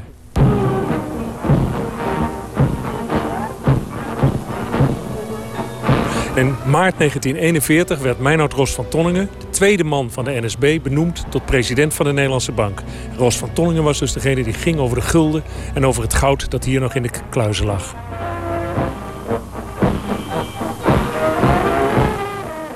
We gaan nu het gebouw van de Nederlandse Bank binnen, zoals het hier vroeger zat tijdens de oorlog. En hij had een presidentskamer op de eerste verdieping waarbij hij uitzicht had over het Rokin.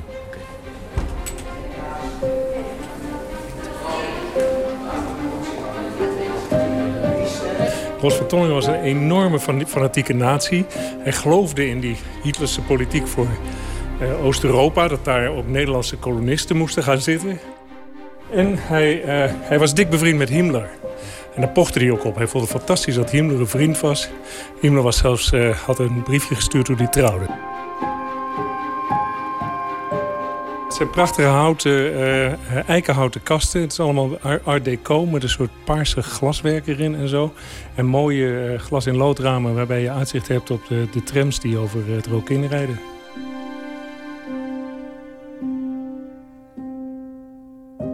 Hij ontving hier dus ook de top van de Duitsers, zeg maar. De Seys Inquart, hè, de Rijkska- eh, Rijkscommissaris, die ontving die hier. En ook eh, Duitse militairen en zo, die ontving die hier. En hier zat ook een Duitse beauftraagde, een soort toezichthouder... die er dus eigenlijk voor zorgde dat de Nederlandse bank precies deed... wat de Rijksbank in Berlijn wilde. Ja, hij was zo fout als wat. Eh, hij was groot voorstander van de expansie van Duitsland naar het oosten toe. Hij is, uiteindelijk is hij ook nog in de SS in dienst getreden... om Nederland te verdedigen tegen de geallieerden. Hè, om bezet Nederland te verdedigen. Eh, maar hij heeft actief meegewerkt aan het afvoeren van het goud... dat nog bij de Nederlandse bank lag. De goudreserves van Nederland, de ongeveer 20% wat eh, bij het begin van de oorlog hier nog lag... dat is eigenlijk door Ros van Tonningen aangeboden, zou je haast kunnen zeggen, aan Berlijn... om eh, te helpen voor de strijd aan het Oostfront... de strijd tegen de Bolshevisten, de strijd tegen de Joden... en al die lui die niet deugden en zo. Hij vond dat Nederland daar een bijdrage aan moest leveren... en de beste bijdrage die hij als president van de Nederlandse Bank kon leveren... was natuurlijk om het goud dat hier nog lag, nog lag eh, af te voeren. Er lag nog iets van 100.000 kilo of zo, of 120.000 kilo goud bij de Nederlandse Bank. Het laatste goud heeft hij in februari, eh, maart 1945, het was eigenlijk alles al voorbij en afgelopen zo'n beetje, heeft hij dat, nog, eh, heeft hij dat ook nog naar, Ber- naar Berlijn laten sturen.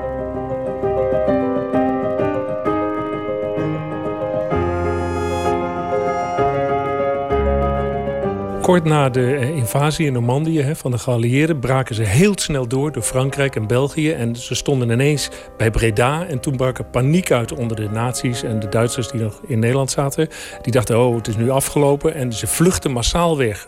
Ehm, er werden wat eh, NSB'ers in de grachten gegooid in Amsterdam. En eh, die dag staat bekend als Dolle Dinsdag.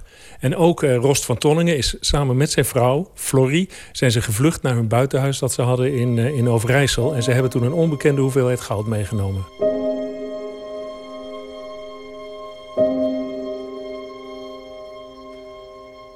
Het was een gecamoufleerde auto waar ze mee weggevlucht zijn. En eh, ja, het- met Ros van Tonningen is het slecht afgelopen. Hij is dienst gaan nemen in de SS om eh, tegen de geallieerden te vechten. Is vervolgens gevangen genomen en in de strafgevangenis van Scheveningen terechtgekomen. En daar ofwel over de reling gesprongen of over de reling geduwd. Maar in ieder geval was hij in eh, mei, ju- juni 1945 was hij, was hij dood. En Florrie is gevlucht met haar twee kleine en vervolgens drie kleine kinderen... naar het huis van haar familie in Duitsland. En daar heeft ze een aantal jaren gewoond. En vervolgens is ze na de oorlog weer teruggekomen naar Nederland... waar ze bekend kwam te staan als de Zwarte Weduwe. Ik ben ervan overtuigd dat de gedachtegang van Hitler uitstekend was. Ik vind Hitler op het ogenblik, hoe gek het ook maar klein, voor andere mensen, een uitermate groot ziener. En die man zal in de toekomst, zal hij zeker, zal hij eh, ook erkend worden als een heel groot iemand die eh, ver voor zijn tijd heeft geleefd.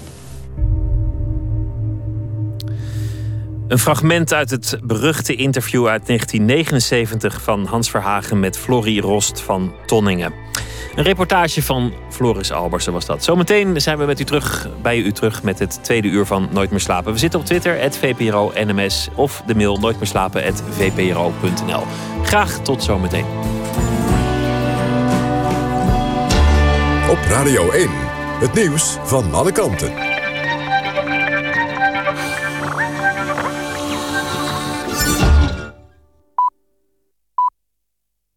1 uur, Joris Stubenitski met het NOS-journaal. Oekraïense oligarchen hebben de afgelopen weken geprobeerd... om vermogen weg te sluizen dat in Nederland stond. Dat deden ze om te voorkomen dat het in beslag zou worden genomen. Minister Dijsselbloem van Financiën zei tijdens een debat met de Tweede Kamer... dat er verschillende meldingen over zijn binnengekomen bij de opsporingsdiensten. Volgens minister Dijsselbloem kunnen verdachte betalingen en overboekingen worden stilgelegd. In het gesprek van de Russische en Amerikaanse ministers van Buitenlandse Zaken is nog niets concreets afgesproken. Kerry en Lavrov spraken elkaar over de situatie op de Krim. Volgens Kerry liggen er wel een aantal ideeën op tafel, maar die wil hij eerst bespreken met president Obama. Lavrov zou ook nog spreken met de Oekraïense minister van Buitenlandse Zaken, maar dat is niet meer gebeurd.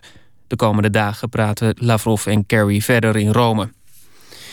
Het geld dat via Giro 555 voor de Filipijnen is ingezameld... is tot nu toe vooral besteed aan voedsel, medische zorg en sanitaire voorzieningen. Volgens de samenwerkende hulporganisaties is van de 36 miljoen euro... inmiddels 8,6 miljoen euro uitgegeven.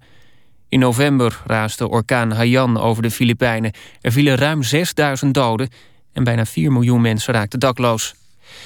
Het is wetenschappers gelukt om met genetische technieken afweercellen van HIV-patiënten zo te veranderen dat ze misschien kunnen stoppen met levenslange medicatie.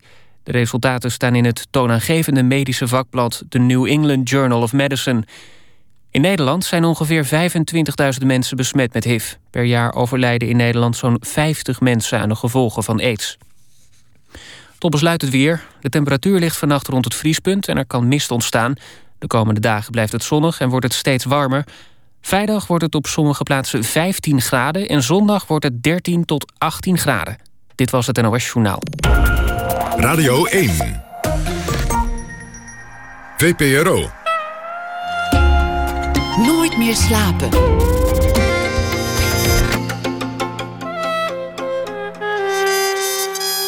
Met Pieter van der Wielen. Welkom terug bij Nooit meer slapen. Zometeen komt Tim Den Beste langs. Hij is onze internet-expert en hij gaat uh, vertellen wat er allemaal uh, te missen is of niet te missen is uh, op het wereldwijde web. En aandacht ook voor Oekraïne aan de hand van een fototentoonstelling van een fotocollectief dat daar een reportage heeft gemaakt over de verscheidenheid aan culturen, waar het nu in het nieuws ook heel veel over gaat. En aandacht voor de stripschapprijs voor stripmaker Fred de Heij. Maar we beginnen met de schrijver die elke week of elke dag een verhaal voor ons schrijft deze week op basis van iets dat die dag is gebeurd. En dat is uh, Thomas van Aalten. Hij heeft een uh, net verschenen roman, Leeuwenstrijd. En uh, die is warm onthaald door critici en door het boekenpanel van De Wereld Draait Door. Goeienacht, Thomas. Goeienacht. Waar wil je het over hebben? Um, nou, ik ontkwam vandaag niet aan de hele kwestie rondom Demming. Hè, de hooggeplaatste topambtenaar bij justitie naar ik meen. En uh, waar veel om, om, te doen is al jaren. En waar uh, vele conspiracy-denkers uh, ja, ook zo een theorie over hebben losgelaten. Maar ja, waar nu toch langzamerhand toch zich een soort rook begint te ontwikkelen. Ja, nou je, je, kunt, je kunt zeggen of het is, als het allemaal waar is, is het een heel groot schandaal. Maar wat je ook Ja. nog steeds met evenveel fatsoen kunt eh, eh, beweren, is dat het een gigantische massaneurose is. Dat, dat iedereen ineens dingen begint te beweren. Want niet alles houdt, denk ik, tot nu toe stand. Het is, het is een interessante kwestie. Laten we het daarop houden.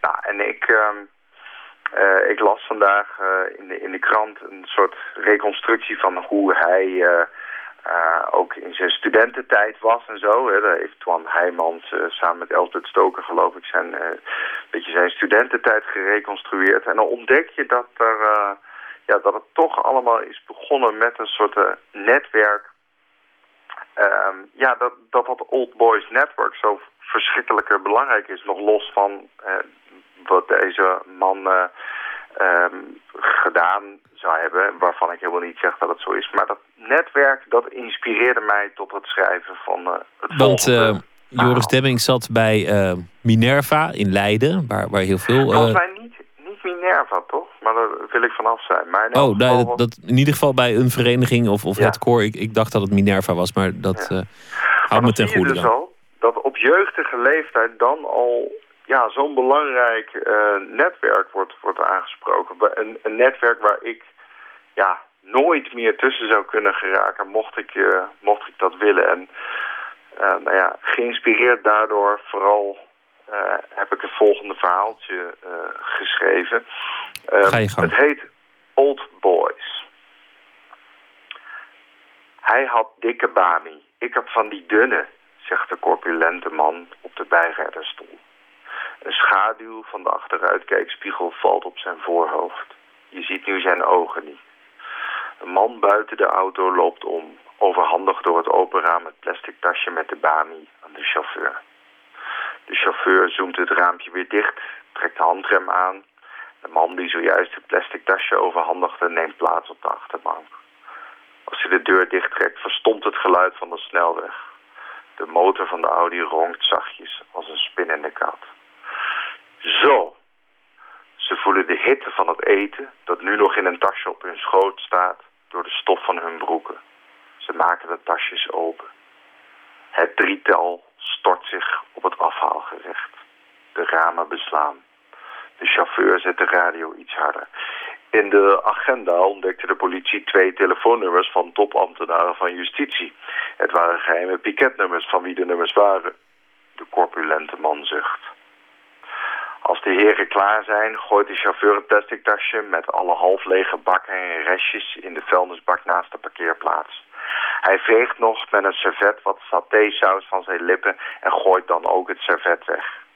De man van de achterbank urineert fluitend in het openbare urinoir, meters verderop. De corpulente man krijgt een sms van zijn vrouw. Fred, we hebben de ficus zaterdag bij de intratuin achtergelaten. Fred beantwoordt het bericht met een emoticon van een droevig gezicht. Ja, dit, Ja, eh, een, eh, een old boys network. Ja, vind je het echt jammer? De- de- Denk je dat het, eh, dat je iets had kunnen brengen in je leven als je deel had gemaakt van, van de goede kringen? Nou, weet je, we zien in dit verhaal natuurlijk een beetje de achterkant van, van het Old Boys Network. Dat dat uiteindelijk toch ook maar ja, heren kunnen zijn die bij, het, bij de lokale Chinees de maaltijd gebruiken. Ehm, of, je het, of ik het jammer vind? Nee, volgens mij is het, eh, is het prima om daar verre van te blijven. Van alle eh, besturen, raden van toezicht. Nee, het zou toch eh, mijn grote nachtmerrie betekenen. Ik- maar ja, misschien is het voor een droom voor, voor velen hoor. Het schijnt een lucratief baantje te zijn, een old boy zijn. Maar ik zal er nooit ja, deel van uitmaken. Het is, het is natuurlijk toch niet echt een complot. Ik bedoel, zo werkt het overal. Mensen willen elkaar kennen. Ik bedoel, als je, ja, zo werkt Ja, het ook nee. onder, onder schrijvers. Kennen mensen elkaar ook. En een uitgever gaat ook niet in zee op basis van een anoniem manuscript van, van een genie die die nooit heeft ontmoet, toch? Bedoel, Oh, nee, nee. nee, het is, het overal. Is, het is gewoon menselijk, denk Ja. ik. Je, je wil elkaar kennen. Je moet, je moet een keer samen dronken zijn geworden. Dat is, dat is ook belangrijk. Ja, maar het grappige is, hè, we- ik moest daar ook aan denken toen ik eh, vandaag op Nieuwsuur zag dat bijvoorbeeld eh, Angela Merkel dan met Poetin belt. Zo'n telefoongesprek. Hoe gaat dat dan? Hallo, eh, ja met Angela. Ja, Angela, weet je, dat, dit gebeurt in regionen waar wij geen weet van hebben. Dus ik kan alleen maar fantaseren over ja, hoe, hoe deze mensen ook in eh, gewoon s'nachts zijn en als ze honger hebben en als ze urineren in een openbaar eh, toilet. Ja, want eh, het blijven uiteindelijk toch ook maar gewoon mensen. Juist, en daar gaat uiteindelijk ook de hele kwestie eh Demming over. Ja, heel veel verhalen, heel veel dingen natuurlijk ook lang geleden. Ehm, ja, ja er, is misschien wel iets aan de hand, maar misschien toch ook niet. Ja, ik, ik ben blij dat ik op dit moment niet op de stoel van een rechter zit en dan, dan iets moet zeggen. Ik, hou gewoon eigenlijk maar lekker mijn- mijn kop erover. Ja, dat is denk ik ook het verstandig. So- soms doet het me een beetje denken aan een soort bizarre film noir of iets van David Lynch of zo. Weet je, de Mulholland Drive, zo'n film die dan gaat over de filmindustrie van Hollywood. Dat er een paar mensen zijn met headsets in een soort eh, ruimte met velour gordijnen die bepalen hoe de filmindustrie zich voltrekt. Dat is nu, lijkt ook een beetje te gebeuren met, er is een soort... eh, ja, onzichtbare, eh, bijna een, een, een, hoe moet ik het zeggen, een club van mensen die nu het scenario bepaalt waar het naartoe gaat. Van Ja, en dat- en het is ook nog- tot, ben ook uh, laatst reed ik ergens langs uh, Amsterdam-Oost. Daar is een huis en dat is behangen met posters van Demming achter de tralies. Google op Demming plus jonge jongens. Ik dacht ook van, nou, wat, wat beweegt iemand om dit dan op te hangen? Ja, uiterst bijzondere kwestie. Ja, En een, het, bijzonder dossier. En dan ook, ook verhalen alsof, alsof er dan kinderbordelen zouden zijn... waar dan iemand zegt van nou, vandaag allemaal goed je best doen... want er komt een hele belangrijke meneer. Nou, dan wordt het voor mij wat, wat ongeloofwaardig, toch? Tot ja, het, eh, een mooie Thomas Ros eh crimi. Maar ja, grote god, straks blijkt het echt zo te zijn. Dan herhalen ze dit interview ook nog tussen jou en mij. En dan Oh, nou, laten we, laten we snel ophouden en ons, eh, Precies, ons hier we verre worden- van houden. We Dan. worden gehoord eh, nu. Fred luistert mee. Thomas, dankjewel. Thomas van Aalten. Ehm, en graag eh, tot morgen. Dankjewel Ja, voor, het, eh, voor het verhaal. Fijne nacht. We gaan luisteren naar Nick Waterhouse. Hij woont in eh, Los Angeles, maar hij doet eigenlijk al jaren alsof hij in de jaren 60 is geboren, terwijl hij toch echt van nu is. Hij ziet er ook een beetje uit als Buddy Holly en zijn muziek klinkt ook een beetje zo. En het album heet dan ook Holly. Het nummer dat we gaan beluisteren heet Let It Come Down.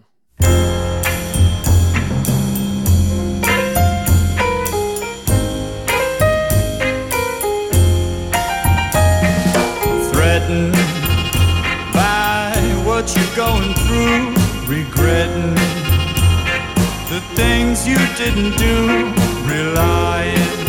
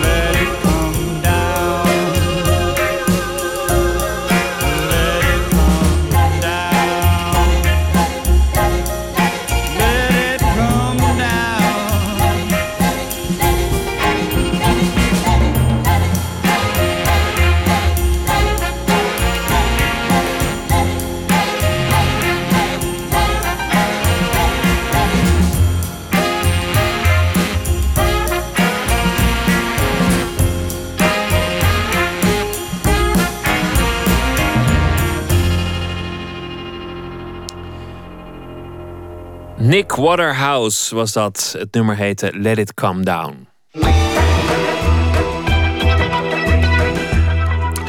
De VPRO Nooit meer slapen. De Stripschapprijs, een oeuvreprijs die sinds 1974 jaarlijks wordt toegekend, ging dit jaar naar Fred de Heij.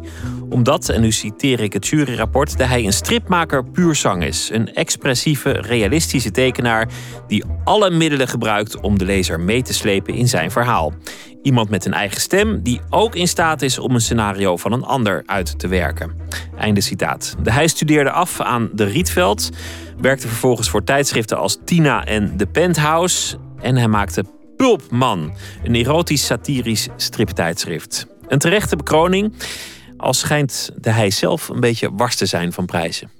Allereerst natuurlijk gewoon gefeliciteerd. Ja, dankjewel. Met de stripschapsprijs, ja. Was, het, was dat een. ehm, ik las ergens op internet. Het, het, het mocht wel eens tijd worden. Vond je dat zelf stiekem ook? Eh, nee, helemaal niet. Nee, het eh, werd... Je hoort het wel natuurlijk in de wandelgangen dat mensen zeggen... nou, volgend jaar krijg jij de prijs. Dus dat is op zich wel leuk. Maar voor de rest eh, hou ik me er helemaal niet mee bezig. Nee, het interesseert me niet zo. Niet echt. Het is leuk. Ja. Maar het is toch, het is toch een erkenning als, Ja, als nee. striptekenaar? Nee, zo is het ook. Dus eh, daarom zeg ik het. eh, maar voor de rest, ja, er is elk jaar een andere commissie. Dus eh, het kan ook een, een cartoonist zijn. Dat is het ook wel eens geweest. Dus ja, er is, valt eigenlijk niet van uit te gaan dat je hem een keer krijgt of zo. Dat moet je maar afwachten. En dat maakt me ook niet zo heel veel uit. Maar het is een erkenning inderdaad. Nu heb ik eh, gezien op, jou, op jouw weblog ook dat jij eh, bijvoorbeeld eh, bij de Maarten Tonerprijs je er een beetje druk over hebt gemaakt dat, dat Joost Zwarte hem kreeg. Is dat, is dat een soort pose of kan je daar echt boos om worden? Nee, ben ik helemaal niet boos om. Nee, maar wat, wat me toen bij die prijs opviel... was dat in alle publicaties die erover gingen... Was, werd er allerlei eh, redenen waarom hij zo bijzonder was eh, aangewezen. Maar niet dat hij striptekenaar was, terwijl het een striptekenprijs was. Hij werd wegens zijn gl- glas- eh, en loodramen... wegens zijn postzegels die hij ontworpen heeft... en eh, huis dat hij heeft, eh, als architect heeft vormgegeven. Maar zijn stripwerk werd er niet bij gehaald. Dus dan... vind ik, dan moet je ook zo iemand als die bijzonder is vanwege andere redenen dan strips, moet je hem ook geen stripprijs geven. Maar ik ben er helemaal niet boos om. Dat is gewoon eh, een stukje en dat was het dan. Het is, het, toch geldt het in zekere zin natuurlijk ook voor jou. Want jij bent niet alleen striptekenaar. Je bent, je bent veel meer. Je, je schildert ook, je illustreert. Ja, dat is ook zo. Maar ik neem niet aan dat als eh, eh, het gaat over de stripschapsprijs, dat het dan over mijn schilderijen gaat. Dan gaat het echt over mijn strips. Dus ja, wat dat betreft eh, eh, is het iets meer gescheiden misschien. Die stripwereld en die schilderwereld heeft heel weinig met elkaar te maken. Heb jij dat gevoel ook dat dat weinig met elkaar te maken heeft? Zijn dat twee werelden in jou? Eh, nou, in mezelf, het ma- maakt me niet zo heel veel uit. Ik bedoel, ik kan heel snel switchen. Maar ja, het is wel een heel andere uitingsvorm.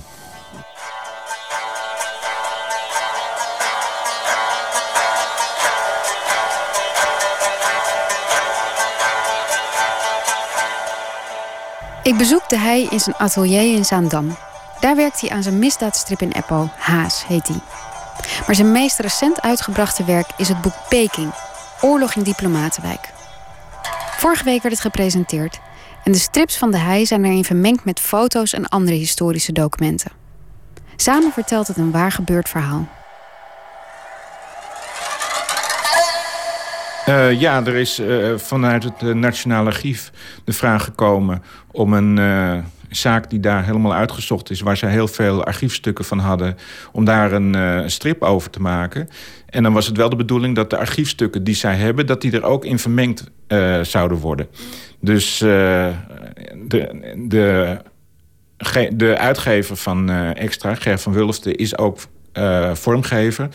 Dus hij integreerde de tekst en de tekeningen en de archiefstukken eh, tot, tot een geheel. Dus eh, ik maakte eerst naar aanleiding van, de, eh, van het scenario... wat door weer iemand anders geschreven was... maakte ik grove schetsen. Dat ging naar hem. Hij knipte en alles weer los en plakte er de foto's in... zoals hij dacht dat, ze de, de, dat het uiteindelijk zou moeten worden.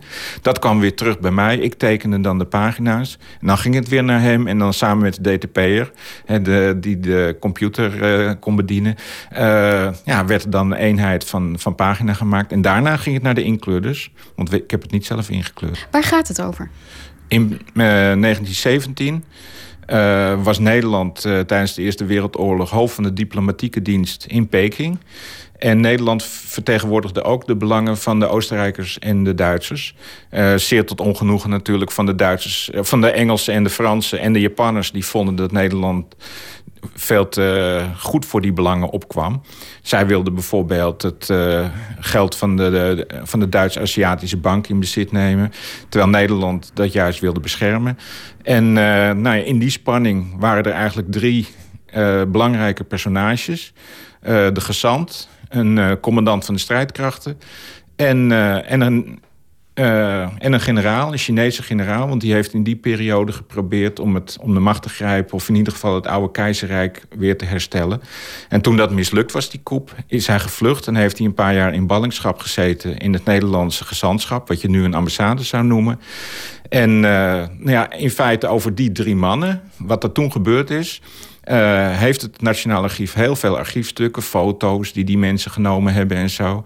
En eh, ja, daar is dat eh, verhaal van gemaakt. Dus het is in feite wel allemaal zo gebeurd. Maar ja, wij hebben het natuurlijk op onze manier vormgegeven. En ik was er niet bij, dus ik heb me zoveel mogelijk op die bronnen gebaseerd. Maar ja, heel veel moet je ook zelf verzinnen. Dus ja. Ja, voelde je, voelde je meteen wat voor, dit, voor dit plan? Want je, ja, je zit toch vast aan een heleboel elementen. Ja, dat is ook zo. Maar toen de eerste vraag bereikte ons, eh, ik denk twee jaar geleden of zoiets dergelijks. En dan is de vraag heel vaag. Wil je een strip maken uh, met, naar aanleiding van archiefstukken uit het Nationaal Archief? Nou, lijkt me leuk. Maar om wat voor onderwerp het gaat of zo... ja, daar kwam ik pas uh, in de loop van de tijd kwam ik daarachter. Maar uh, ja, ik heb ook heel veel als illustrator uh, geschiedenisprojecten gedaan voor educatieve uitgeverijen en zo. Dus op zich ben ik het wel een beetje gewend om met dat soort bronnenmateriaal om te gaan. Maar of het ook een hele leuke strip zou worden, ja, dat wist ik op dat moment niet. Dus ja, dan, je moet gewoon ergens maar ja zeggen, inspringen en hopen dat het goed komt allemaal. Want hoe stond je daar uiteindelijk tegen? Want het, is, het gaat dus inderdaad over een diplomatiek proces.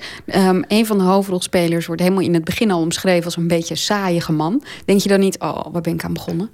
Uh, nee, dan, dan is het ook de uitdaging om, uh, uh, om hem zo te laten acteren met oogopslagen of ja, een leuke blik. Of om te laten acteren op een manier dat ik denk van...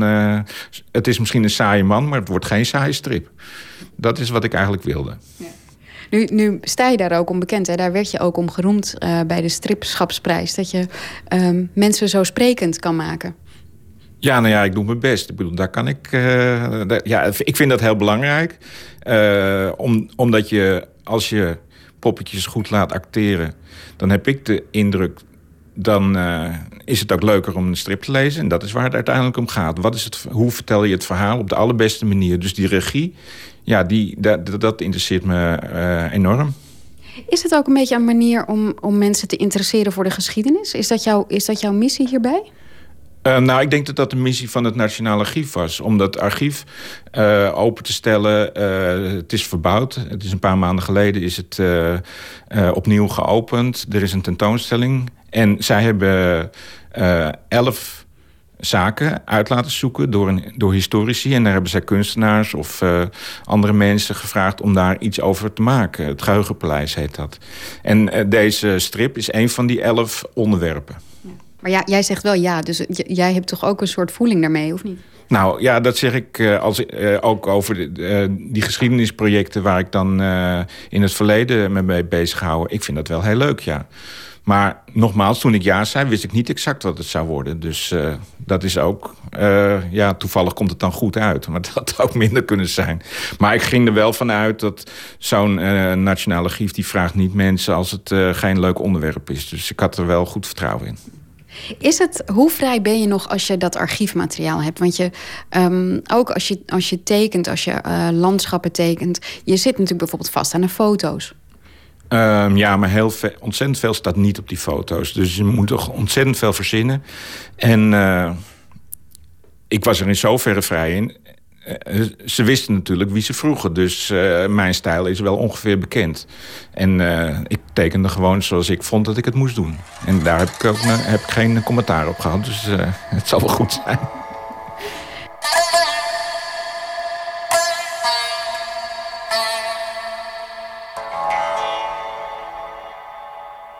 Het, toch, toch vind ik het een, um, een aparte opdracht voor jou, omdat jij. Um, ik heb het idee dat veel van jouw werk echt, echt voortkomt uit jezelf en, en uit juist drang om, om te experimenteren, om juist weer eens iets heel anders te proberen. En hier zitten zoveel elementen in waar je zit vast aan het verhaal, aan de geschiedenis, aan het archief. Um, daarom verbaast dit me misschien een beetje. Ja, dat is ook zo. Maar ja, ik ben het eh, begonnen als illustrator. Eigenlijk ben ik, dat ben ik nog steeds. En daar moet je je helemaal houden aan de opdracht zoals die gesteld is. Dus dat ben ik op zich eh, wel gewend. En ook heb ik eh, een jaar of tien heel intensief voor de Tina gewerkt. Een meisjesblad voor meisjes van een jaar of twaalf, dertien. En eh, ik vond het altijd een enorme uitdaging om speciaal voor die doelgroep iets te maken wat de moeite waard is. Dus op zich vind ik die beperkingen, die vind ik helemaal geen nadeel. Maar daarnaast maak ik wel dingen waar, we, waar je dan misschien geen geld mee verdient. Maar gewoon om eens uit de band te springen en volkomen over de top iets anders te maken. Dat vind ik ook leuk. Moet je dat ook doen om, om jezelf scherp te houden misschien? En nou, ik moet het doen. Ja, wat een ander doet, moet hij zelf weten. Maar ik heb eh, wel de behoefte om andere dingen te maken... die ik niet in mijn opdrachtensituatie terecht kan komen. Eh, ja, de- wat eruit komt. En ja, daarom eh, eh, maak ik dat. Op de website staat dat je gestopt bent met het illustreren van, eh, van kinderboeken... omdat je op een gegeven moment geen leuke plaatjes meer kon maken... van een, een opa die overleden was. Nou, dat soort verhalen inderdaad. Maar als er een, eh, ik ben niet, niet zo gestopt. Als er een, heel, als er een leuk eh, kinderboek langskomt, dan doe ik het onmiddellijk. Dus nee, dat, dat is het niet. Het is zeker aan het begin van de jaren negentig, toen ik toen vond ik het illustreren minder leuk. Omdat er inderdaad heel veel opdrachten waren. eh, ja, die waren gewoon saai om te tekenen. En ik hou niet van die saaiheid. Dat is het meer. Dus eh, ik, heb, ik heb een keer een boek moeten illustreren. Of althans, dat was me gevraagd en dat heb ik teruggestuurd. En dat eh, een meisje, ik geloof dat haar opa doodging, maar ik weet het niet meer zeker. Die zat op de achterbank en die mijmerde over.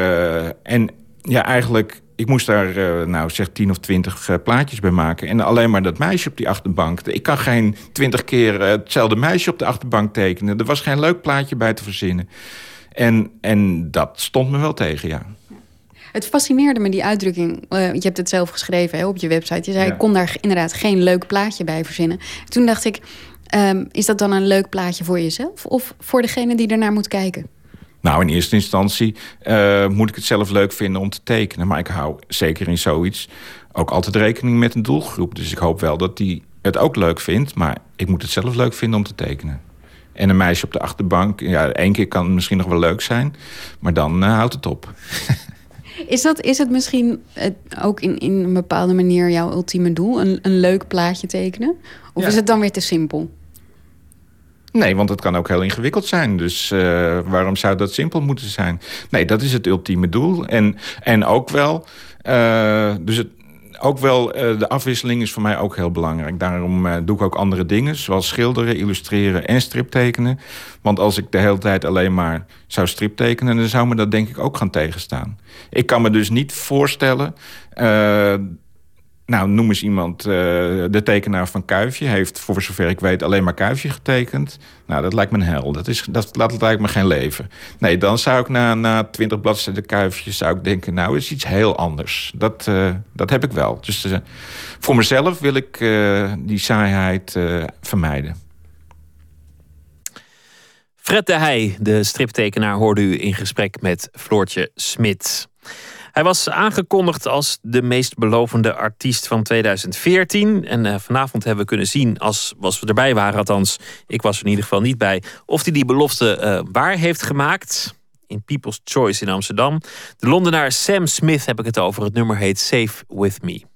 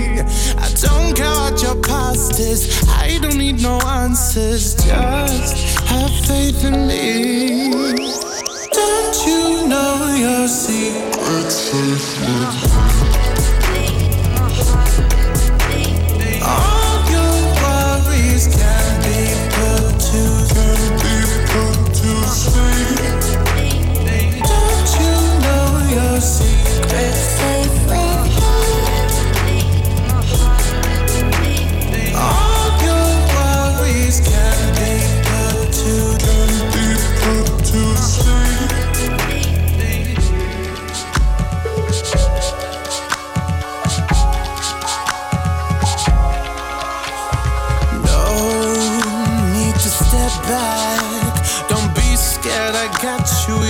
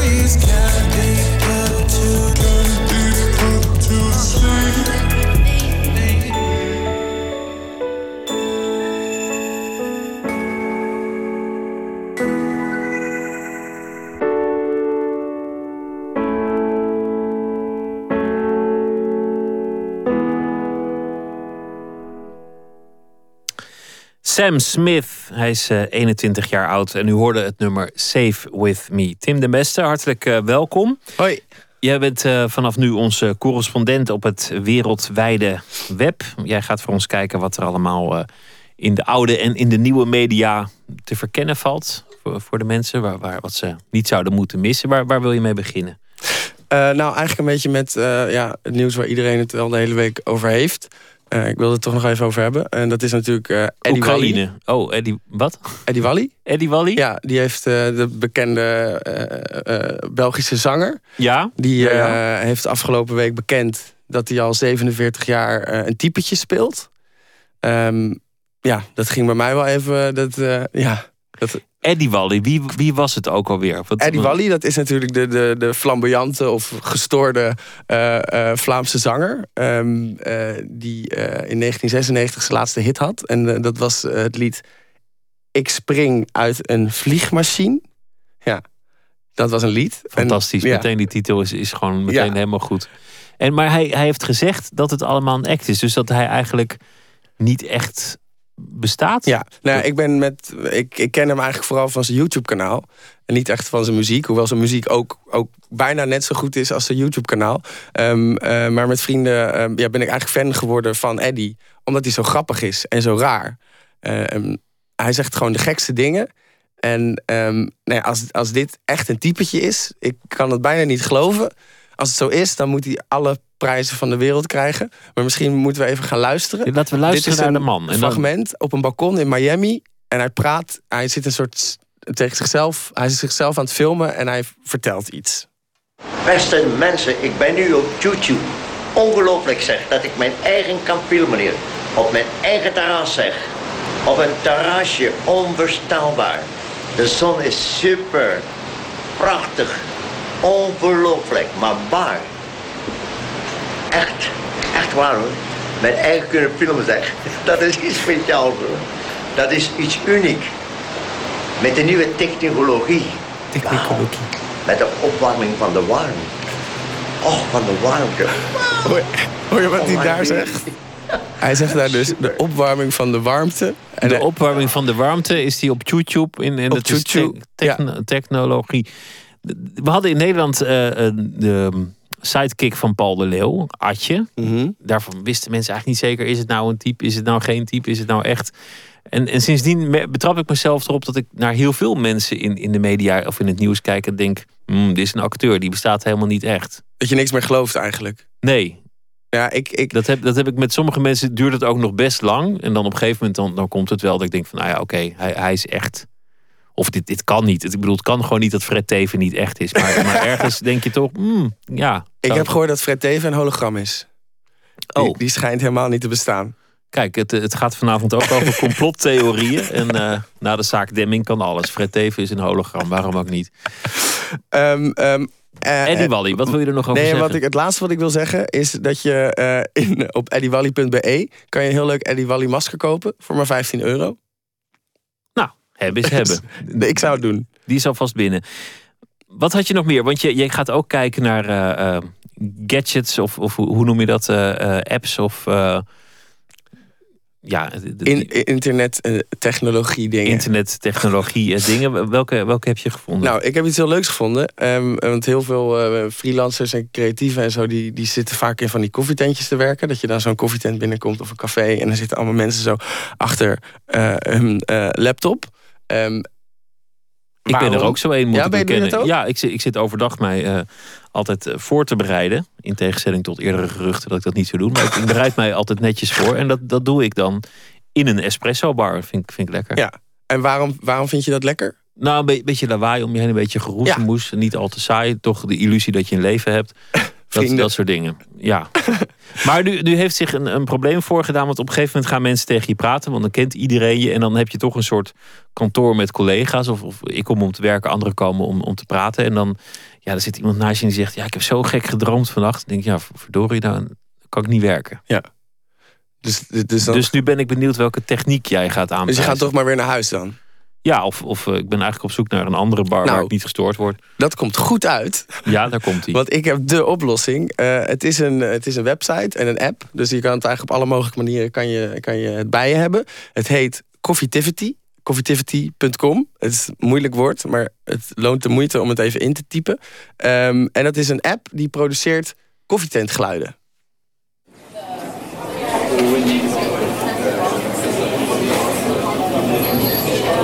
Dan kan je gewoon thuis werken. Dus je werkt gewoon thuis, maar met het geluid van. Want, Ja. want dat gaat er dus vanuit dat naast de geur van verse koffie, dat de, het geroezemoes van, van de espresso bar de creativiteit aanwakkert. Ja, wat eigenlijk op die website staat is dat, ze, dat het moeilijk is om in een stille omgeving, bijvoorbeeld thuis, hè, waar, waar niemand is, waar je helemaal alleen bent, om daar te werken. Eh, te veel geluid, dat leidt af. Ehm, maar een beetje geroezemoes, zoals in ja, zeldzaam geroezemoes, zoals dat in koffietentjes is, ehm, eh, dat is perfect. En dat kan je nu dus gewoon ja, overal mee naartoe nemen.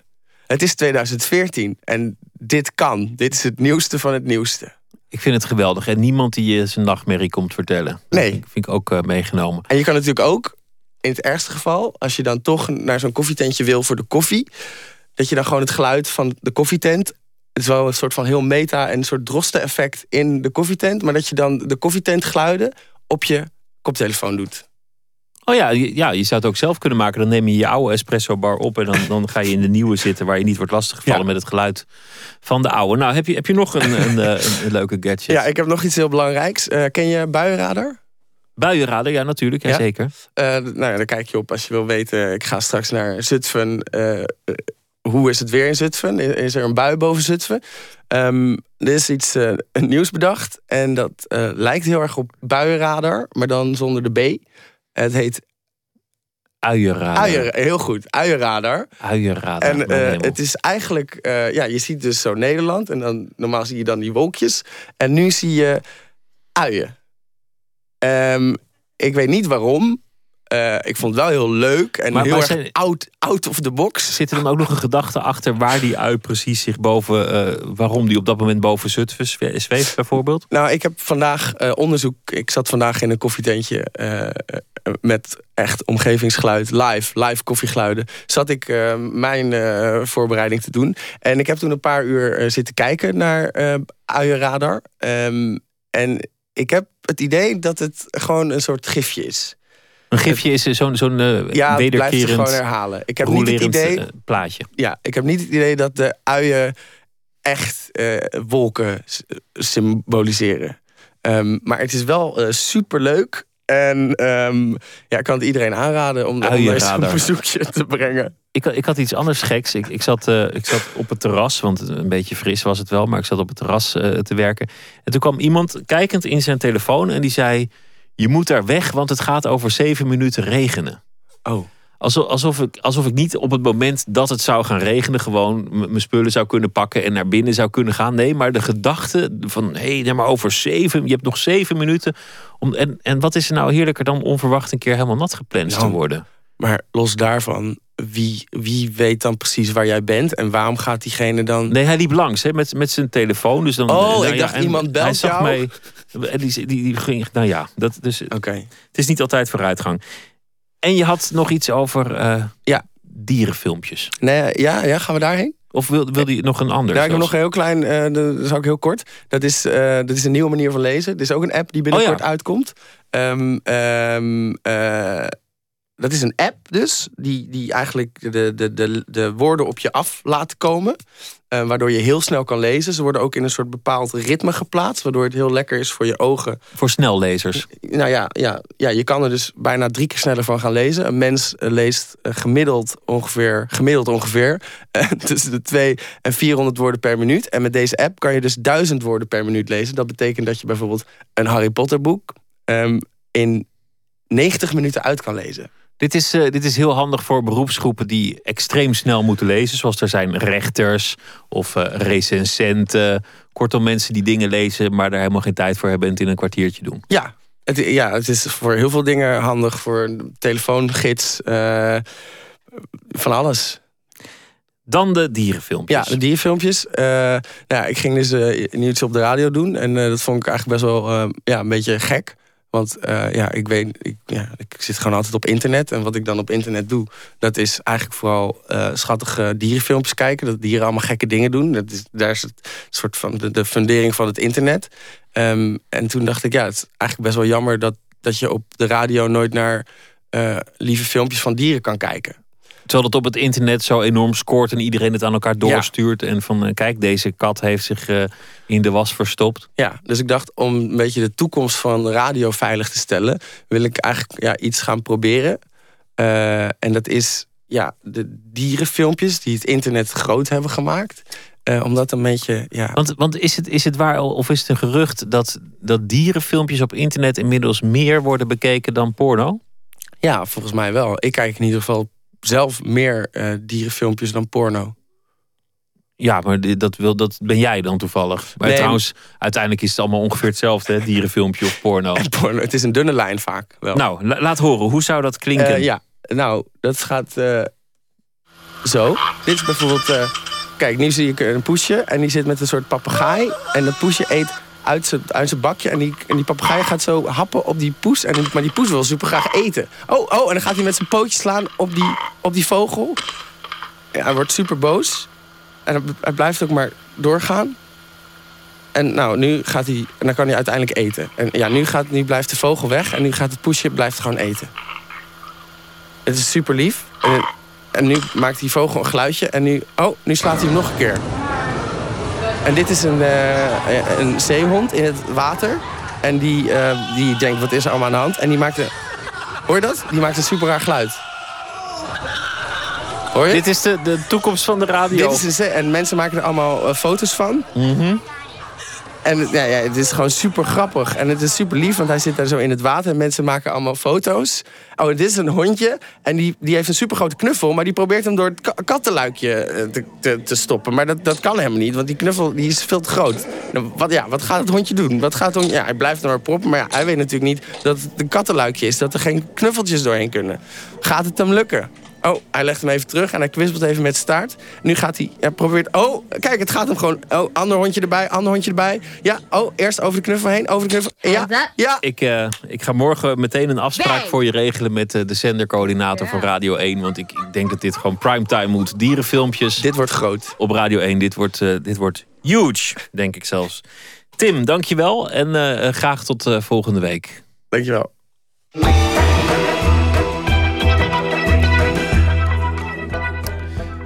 U luistert naar de VPRO op Radio 1. Afgelopen weekeinde opende Fotodoc in Utrecht een eigen expositieruimte. Voor de openingstentoonstelling is het Oost-Europese fotografencollectief Sputnik Foto's uitgenodigd. Zij maakte tussen 2008 en 2011 een project in Oekraïne op zoek naar de culturele diversiteit in dat land. En juist die diversiteit wordt nu door de Russische president Poetin gebruikt om het land te verdelen, zeggen fotograaf Jan Brzezinski en de Oekraïense Julia Debnitska. Inge Ter Schuren bezoekt de opening in Utrecht. Aan de Lange Nieuwstraat nummer 7 is sinds afgelopen weekend de expositieruimte geopend van Fotodoc. De eerste tentoonstelling die er te zien is, is van Sputnik Foto's, een fotografencollectief uit Oost-Europa. Ik heb hier een afspraak met de Poolse fotograaf Jan Brzezinski en met de Oekraïense Julia Dembitska, die alweer enige tijd in Nederland woont. De expositie is in een prachtig pand. En uh, als we binnenkomen, dan uh, wordt net de confetti opgeveegd. Op de eerste verdieping zijn er foto's te zien uit uh, Oekraïne. Het ruikt hier nog naar verf. Alles ziet er heel strak uit. Hallo, vader en dochter zo te zien. Mag ik jullie iets vragen over deze foto's? Natuurlijk. Oké, okay, hartstikke leuk. Um, wat is jullie eerste indruk als je zo naar deze beelden kijkt? Nou, ik was vanochtend aan het fitnesscentrum, zag ik wat rapportages uh, vanuit de Oekraïne. Hoe ze elkaar daar weer dreigen de hersens in te slaan. En hier zien we een aantal hele mooie foto's van Oekraïne en met name de Krim in, uh, in rust. En de begeleidende tekst is natuurlijk al geruime tijd geleden geschreven... maar geeft eigenlijk heel treffend aan wat de actuele situatie is. En jij, je bent een, uh, een stuk jonger. Volg jij dat uh, ook zo op de voet, die actualiteit? Uh, nee, eigenlijk niet. Maar ik vind het wel hele interessante foto's. Ik snap wel wat ze ermee bedoelen. En ik... ja, wat vind je er interessant aan? Ik vind de kleurgebruik vind ik heel erg mooi. En ook gewoon hoe die um, politiemensen of die militairen daar staan. En de bergen en het landschap. Ja, want het zijn verschillende soorten beelden inderdaad. We zien uh, een aantal landschappen, maar we zien inderdaad ook uh, uh, de militairen hier staan. Wat, wat valt hier nou het meeste, wat springt hier nou het meeste in het oog? Wat mij het meeste opvalt zijn uiteindelijk toch de grauwe kleuren. De grauwe kleuren van de bodem, van de huizen, van de vloeren, van de wanden. En het enige wat kleur heeft, dat zijn de rode strepen op de boeken. Volgens mij zijn het de officieren van het Oekraïense leger. De rode streep, zal ik maar zeggen, op de pet. En ik zie hier een uh, zaal waar iets van 40, 50 meisjes geacht worden te zingen. En daar hangt een grote rode vlag. Het is allemaal grijs, groen, bruin, zwart. En in die rode punt, heel belangrijk voor foto's, is met een, door een mensenhand aangebracht. Maar laten we wel zijn, we hebben een stuk of vier van die galeries in Utrecht vanmiddag nog te bezoeken. Dus uh, we gaan er zo meteen weer vandoor. Veel plezier. Dank jullie wel. Graag gedaan. Femke Luchterink, jij bent uh, artistiek leider van Fotodoc. Waarom hebben jullie uh, Sputnik foto's uitgekozen voor deze openingstentoonstelling? Um, hallo, we hebben, we hebben Sputnik foto's eigenlijk voor twee redenen uh, uitgenodigd. Enerzijds omdat ze een collectief zijn en uh, hun manier van werken uh, voelen we ons verwant mee. Uh, dus ze, maken, ze produceren samen in een groep. Ze proberen op heel verschillende manieren een kijk te geven op bepaalde gebieden. Um, ze, ze doen educatie. Dus de, de, aan de ene kant is het de energie en de manier van werken dat ons heel erg aansprak. En anderzijds gaat het ook heel erg over de onderwerpen die zij aanraken. Dus ook het feit dat ze geografische gebieden onder de loep nemen en daar dus op een heel kaleidoscopische manier hun visie op geven. En natuurlijk ook een, een, een gedeelte waar wij ook onderdeel van zijn in Europa. ja, waar, zij licht op werpen, waar wij toch niet zo heel veel van weten. En vooral vaak ook wat meer negatieve kanten van die landen horen, of de heftige kanten. En ja, ik ben altijd op zoek naar de nuances van het verhaal en de voor's en de tegens en alles wat daartussenin zit. Dus het grijze gebied, dat vind ik gewoon heel spannend. En dat is natuurlijk wat zij doen. Dus vandaar dat we hen voor deze openingstentoonstelling hebben uitgenodigd. Een van die fotografen is dus uh, Jan Brzezinski uit Polen. Um, en Jan heeft een uh, serie gemaakt over uh, Boykos, een groep aan de grens, die woont aan de grens met, met Polen. Jan, could you tell me what the pictures are about? So all the pictures were taken in Ukraine, in Carpathian Mountains, next to the Polish border. and they were all taken in one village that I photographed over the period of three years' time. And they show a life in in a village, a life in a place that was very well preserved because of the mountains. So the life that has not changed over over generations. So actually, it, it looks the same as, as 100 years ago, and people live exactly the same way. So I've photographed people who, who live in the circles of, of, of the year. They are very, very much connected with the nature. And they also stick very much to their traditions. Het is een groep mensen die nog heel uh, traditioneel leeft, vlakbij de grens met, uh, met Polen dus. Um, heel dicht bij de natuur staat en daarom ook uh, heel dicht bij de dood. En over een maand publiceert Jan een boek hierover met nog meer foto's. so why is this area so interesting for you? I'm, I'm, in my work, I'm always interested in, in the relation of of a man and, and the nature. And what I have discovered there is that these people live very, very close to the nature. They're really, really very much dependent on it. And, uh, and they really live in, in the circles of, of, of, of the year. So um, I think, I think nowadays, for, for, also for myself, coming from the big city, uh, to see people who live so much isolated and so close to nature was was a big big surprise, and I and I got really fascinated with with this. Um, with how color, colorful and, and how uh, beautiful in a way this, this life is. It's a very hard life, but it's at the same time it's uh, it's a very traditional. Uh, they use this this traditional paints to, to paint the interiors. They use very bright colors, and uh, and they live they live a life which is very very far from our civilization. Even though they, they live very close to us, but they live the same life as, as their ancestors. Jan komt zelf uit een uh, grote stad en hij is erg geïnteresseerd in mensen die juist heel dicht bij de natuur leven. Uh, en juist deze mensen, waarin al die honderden jaren nog zo weinig uh, veranderd lijkt te zijn en waar hun cultuur zo goed bewaard is, is voor hem daarom extra interessant. Julia Dembitska, jij komt uit Oekraïne. Je woont 15 jaar in Nederland. Is het een herkenbaar beeld voor jou, deze foto's? Ja, klopt. Je ziet uh, zulke dorpen in Oekraïne. En uh, ik vind het ook mooi, al die tradities en uh, natuur. ik kom zelf uit een stad. En, maar ja, regelmatig ga ik naar, naar de bergen of naar de dorpen. En dan zie je ook ja, bewoners daar. Um, en jij je zegt, je komt zelf uit een, uit een stad. Welke stad is dat? Chernivtsi. Het is uh, de mooiste stad van Oekraïne, natuurlijk. Wat is het voor stad? Uh, het is een stad uh, ja, net zo groot als Utrecht.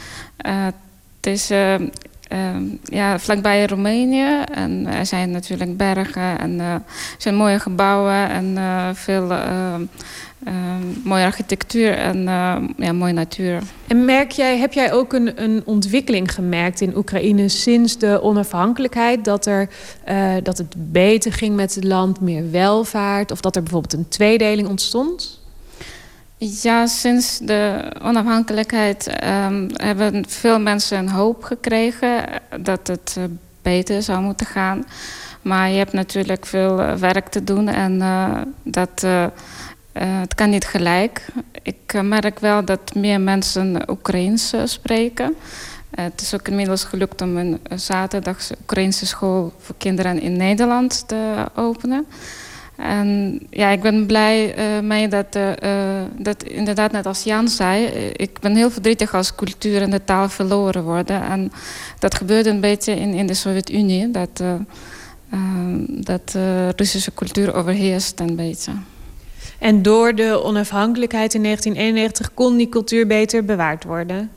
Ja, klopt. En uh, iedereen hoopte nog uh, dat uh, Oekraïne ook een eerlijke regering krijgt en dat het land verder um, ontwikkeld, zou, zou ontwikkelen. Maar ja, het ging helaas anders. En ja, je merkt dat de, um, ja, de criminele president van Oekraïne is nu weggejaagd. En uh, als hij, hij zit nu in Rusland en als hij over Oekraïne spreekt, dan zegt hij wij. Dus Rusland moet uh, ja, iets met Oekraïne doen. Hij beschouwt zichzelf als een uh, afgezante van Poetin. Jan, Uh, you took these pictures uh, a couple of years ago, uh, in 2008 or 9? And, and few, few years later, I started in 2008 and I finished in 2011. Uh, there's a big crisis now in uh, in Ukraine. The the country is um, uh, split into two different parts. Was there any signal in that time that the things were going this way? Well, the, the moment we, that we, we, we, photographed Ukraine, the, the whole collective made our project in Ukraine. I think we were we were just looking for for the diversity, cultural diversity, and, and within within the, the, the country. And uh, I think I think Ukraine is is a very very multicultural country, and very, it's, it's, it's this is its its its beauty. And and it's really really very sad when when uh, someone from outside, especially now Russia, use this multicultural aspect to to try to destroy the the, the and and tore tore apart the, the, the country. I mean, we have we have many many countries in the world that have many different nations living there, and I think it's just it's just beautiful that that nations can live next to each other in peace. And I think that was the case in Ukraine. And so there is no point of, of you know. So I mean, if it was from inside of Ukraine, I think Ukrainians are really. I mean, I, I you can you know, we, we have to ask people from there, but but I think they are very very proud of, of their being Ukrainian, and I and I think none of them would, would really like to the country to to be to be um, split. Oekraïne uh, heeft, is een land met heel veel culturele diversiteit. En uh, al die culturen en groepen die hebben jarenlang heel goed, vreedzaam met elkaar geleefd. Dat is het mooie, de kracht van het land, zegt Jan. Uh, en het is een schande dat Rusland daar nu gebruik van maakt om het land op te delen. Julia, hoe, hoe kijk jij daar tegenaan? Je bent al enige tijd weg, maar hoe kijk jij naar die situatie nu?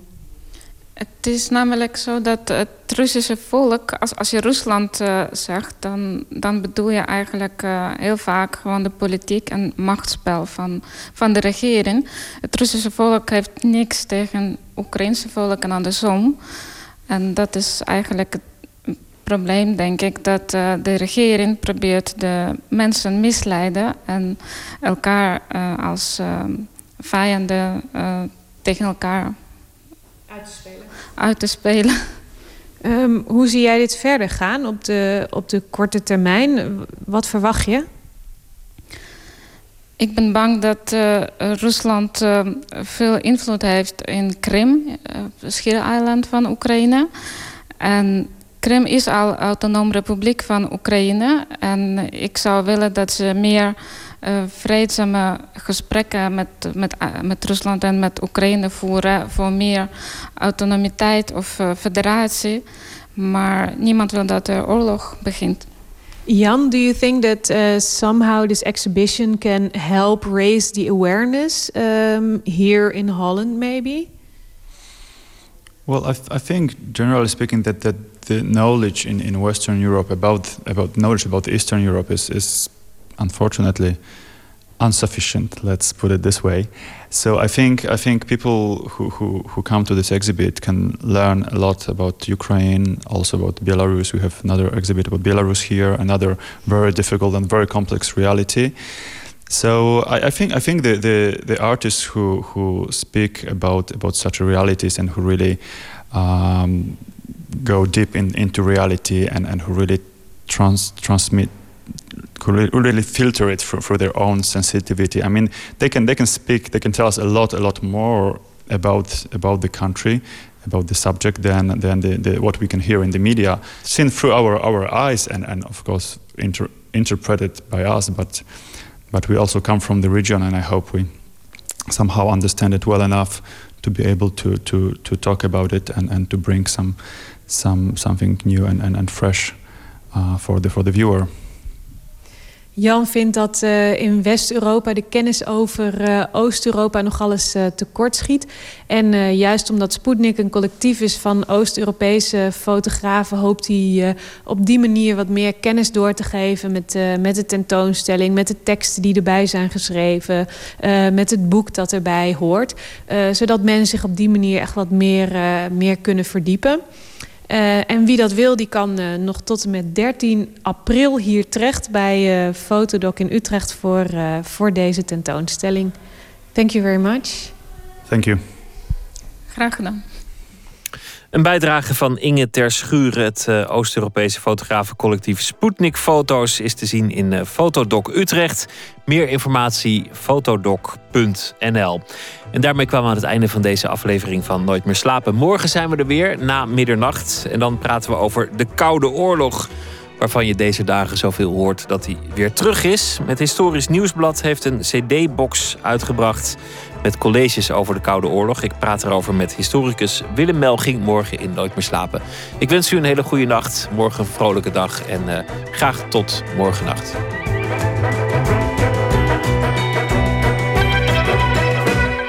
Op Radio 1, het nieuws van alle kanten.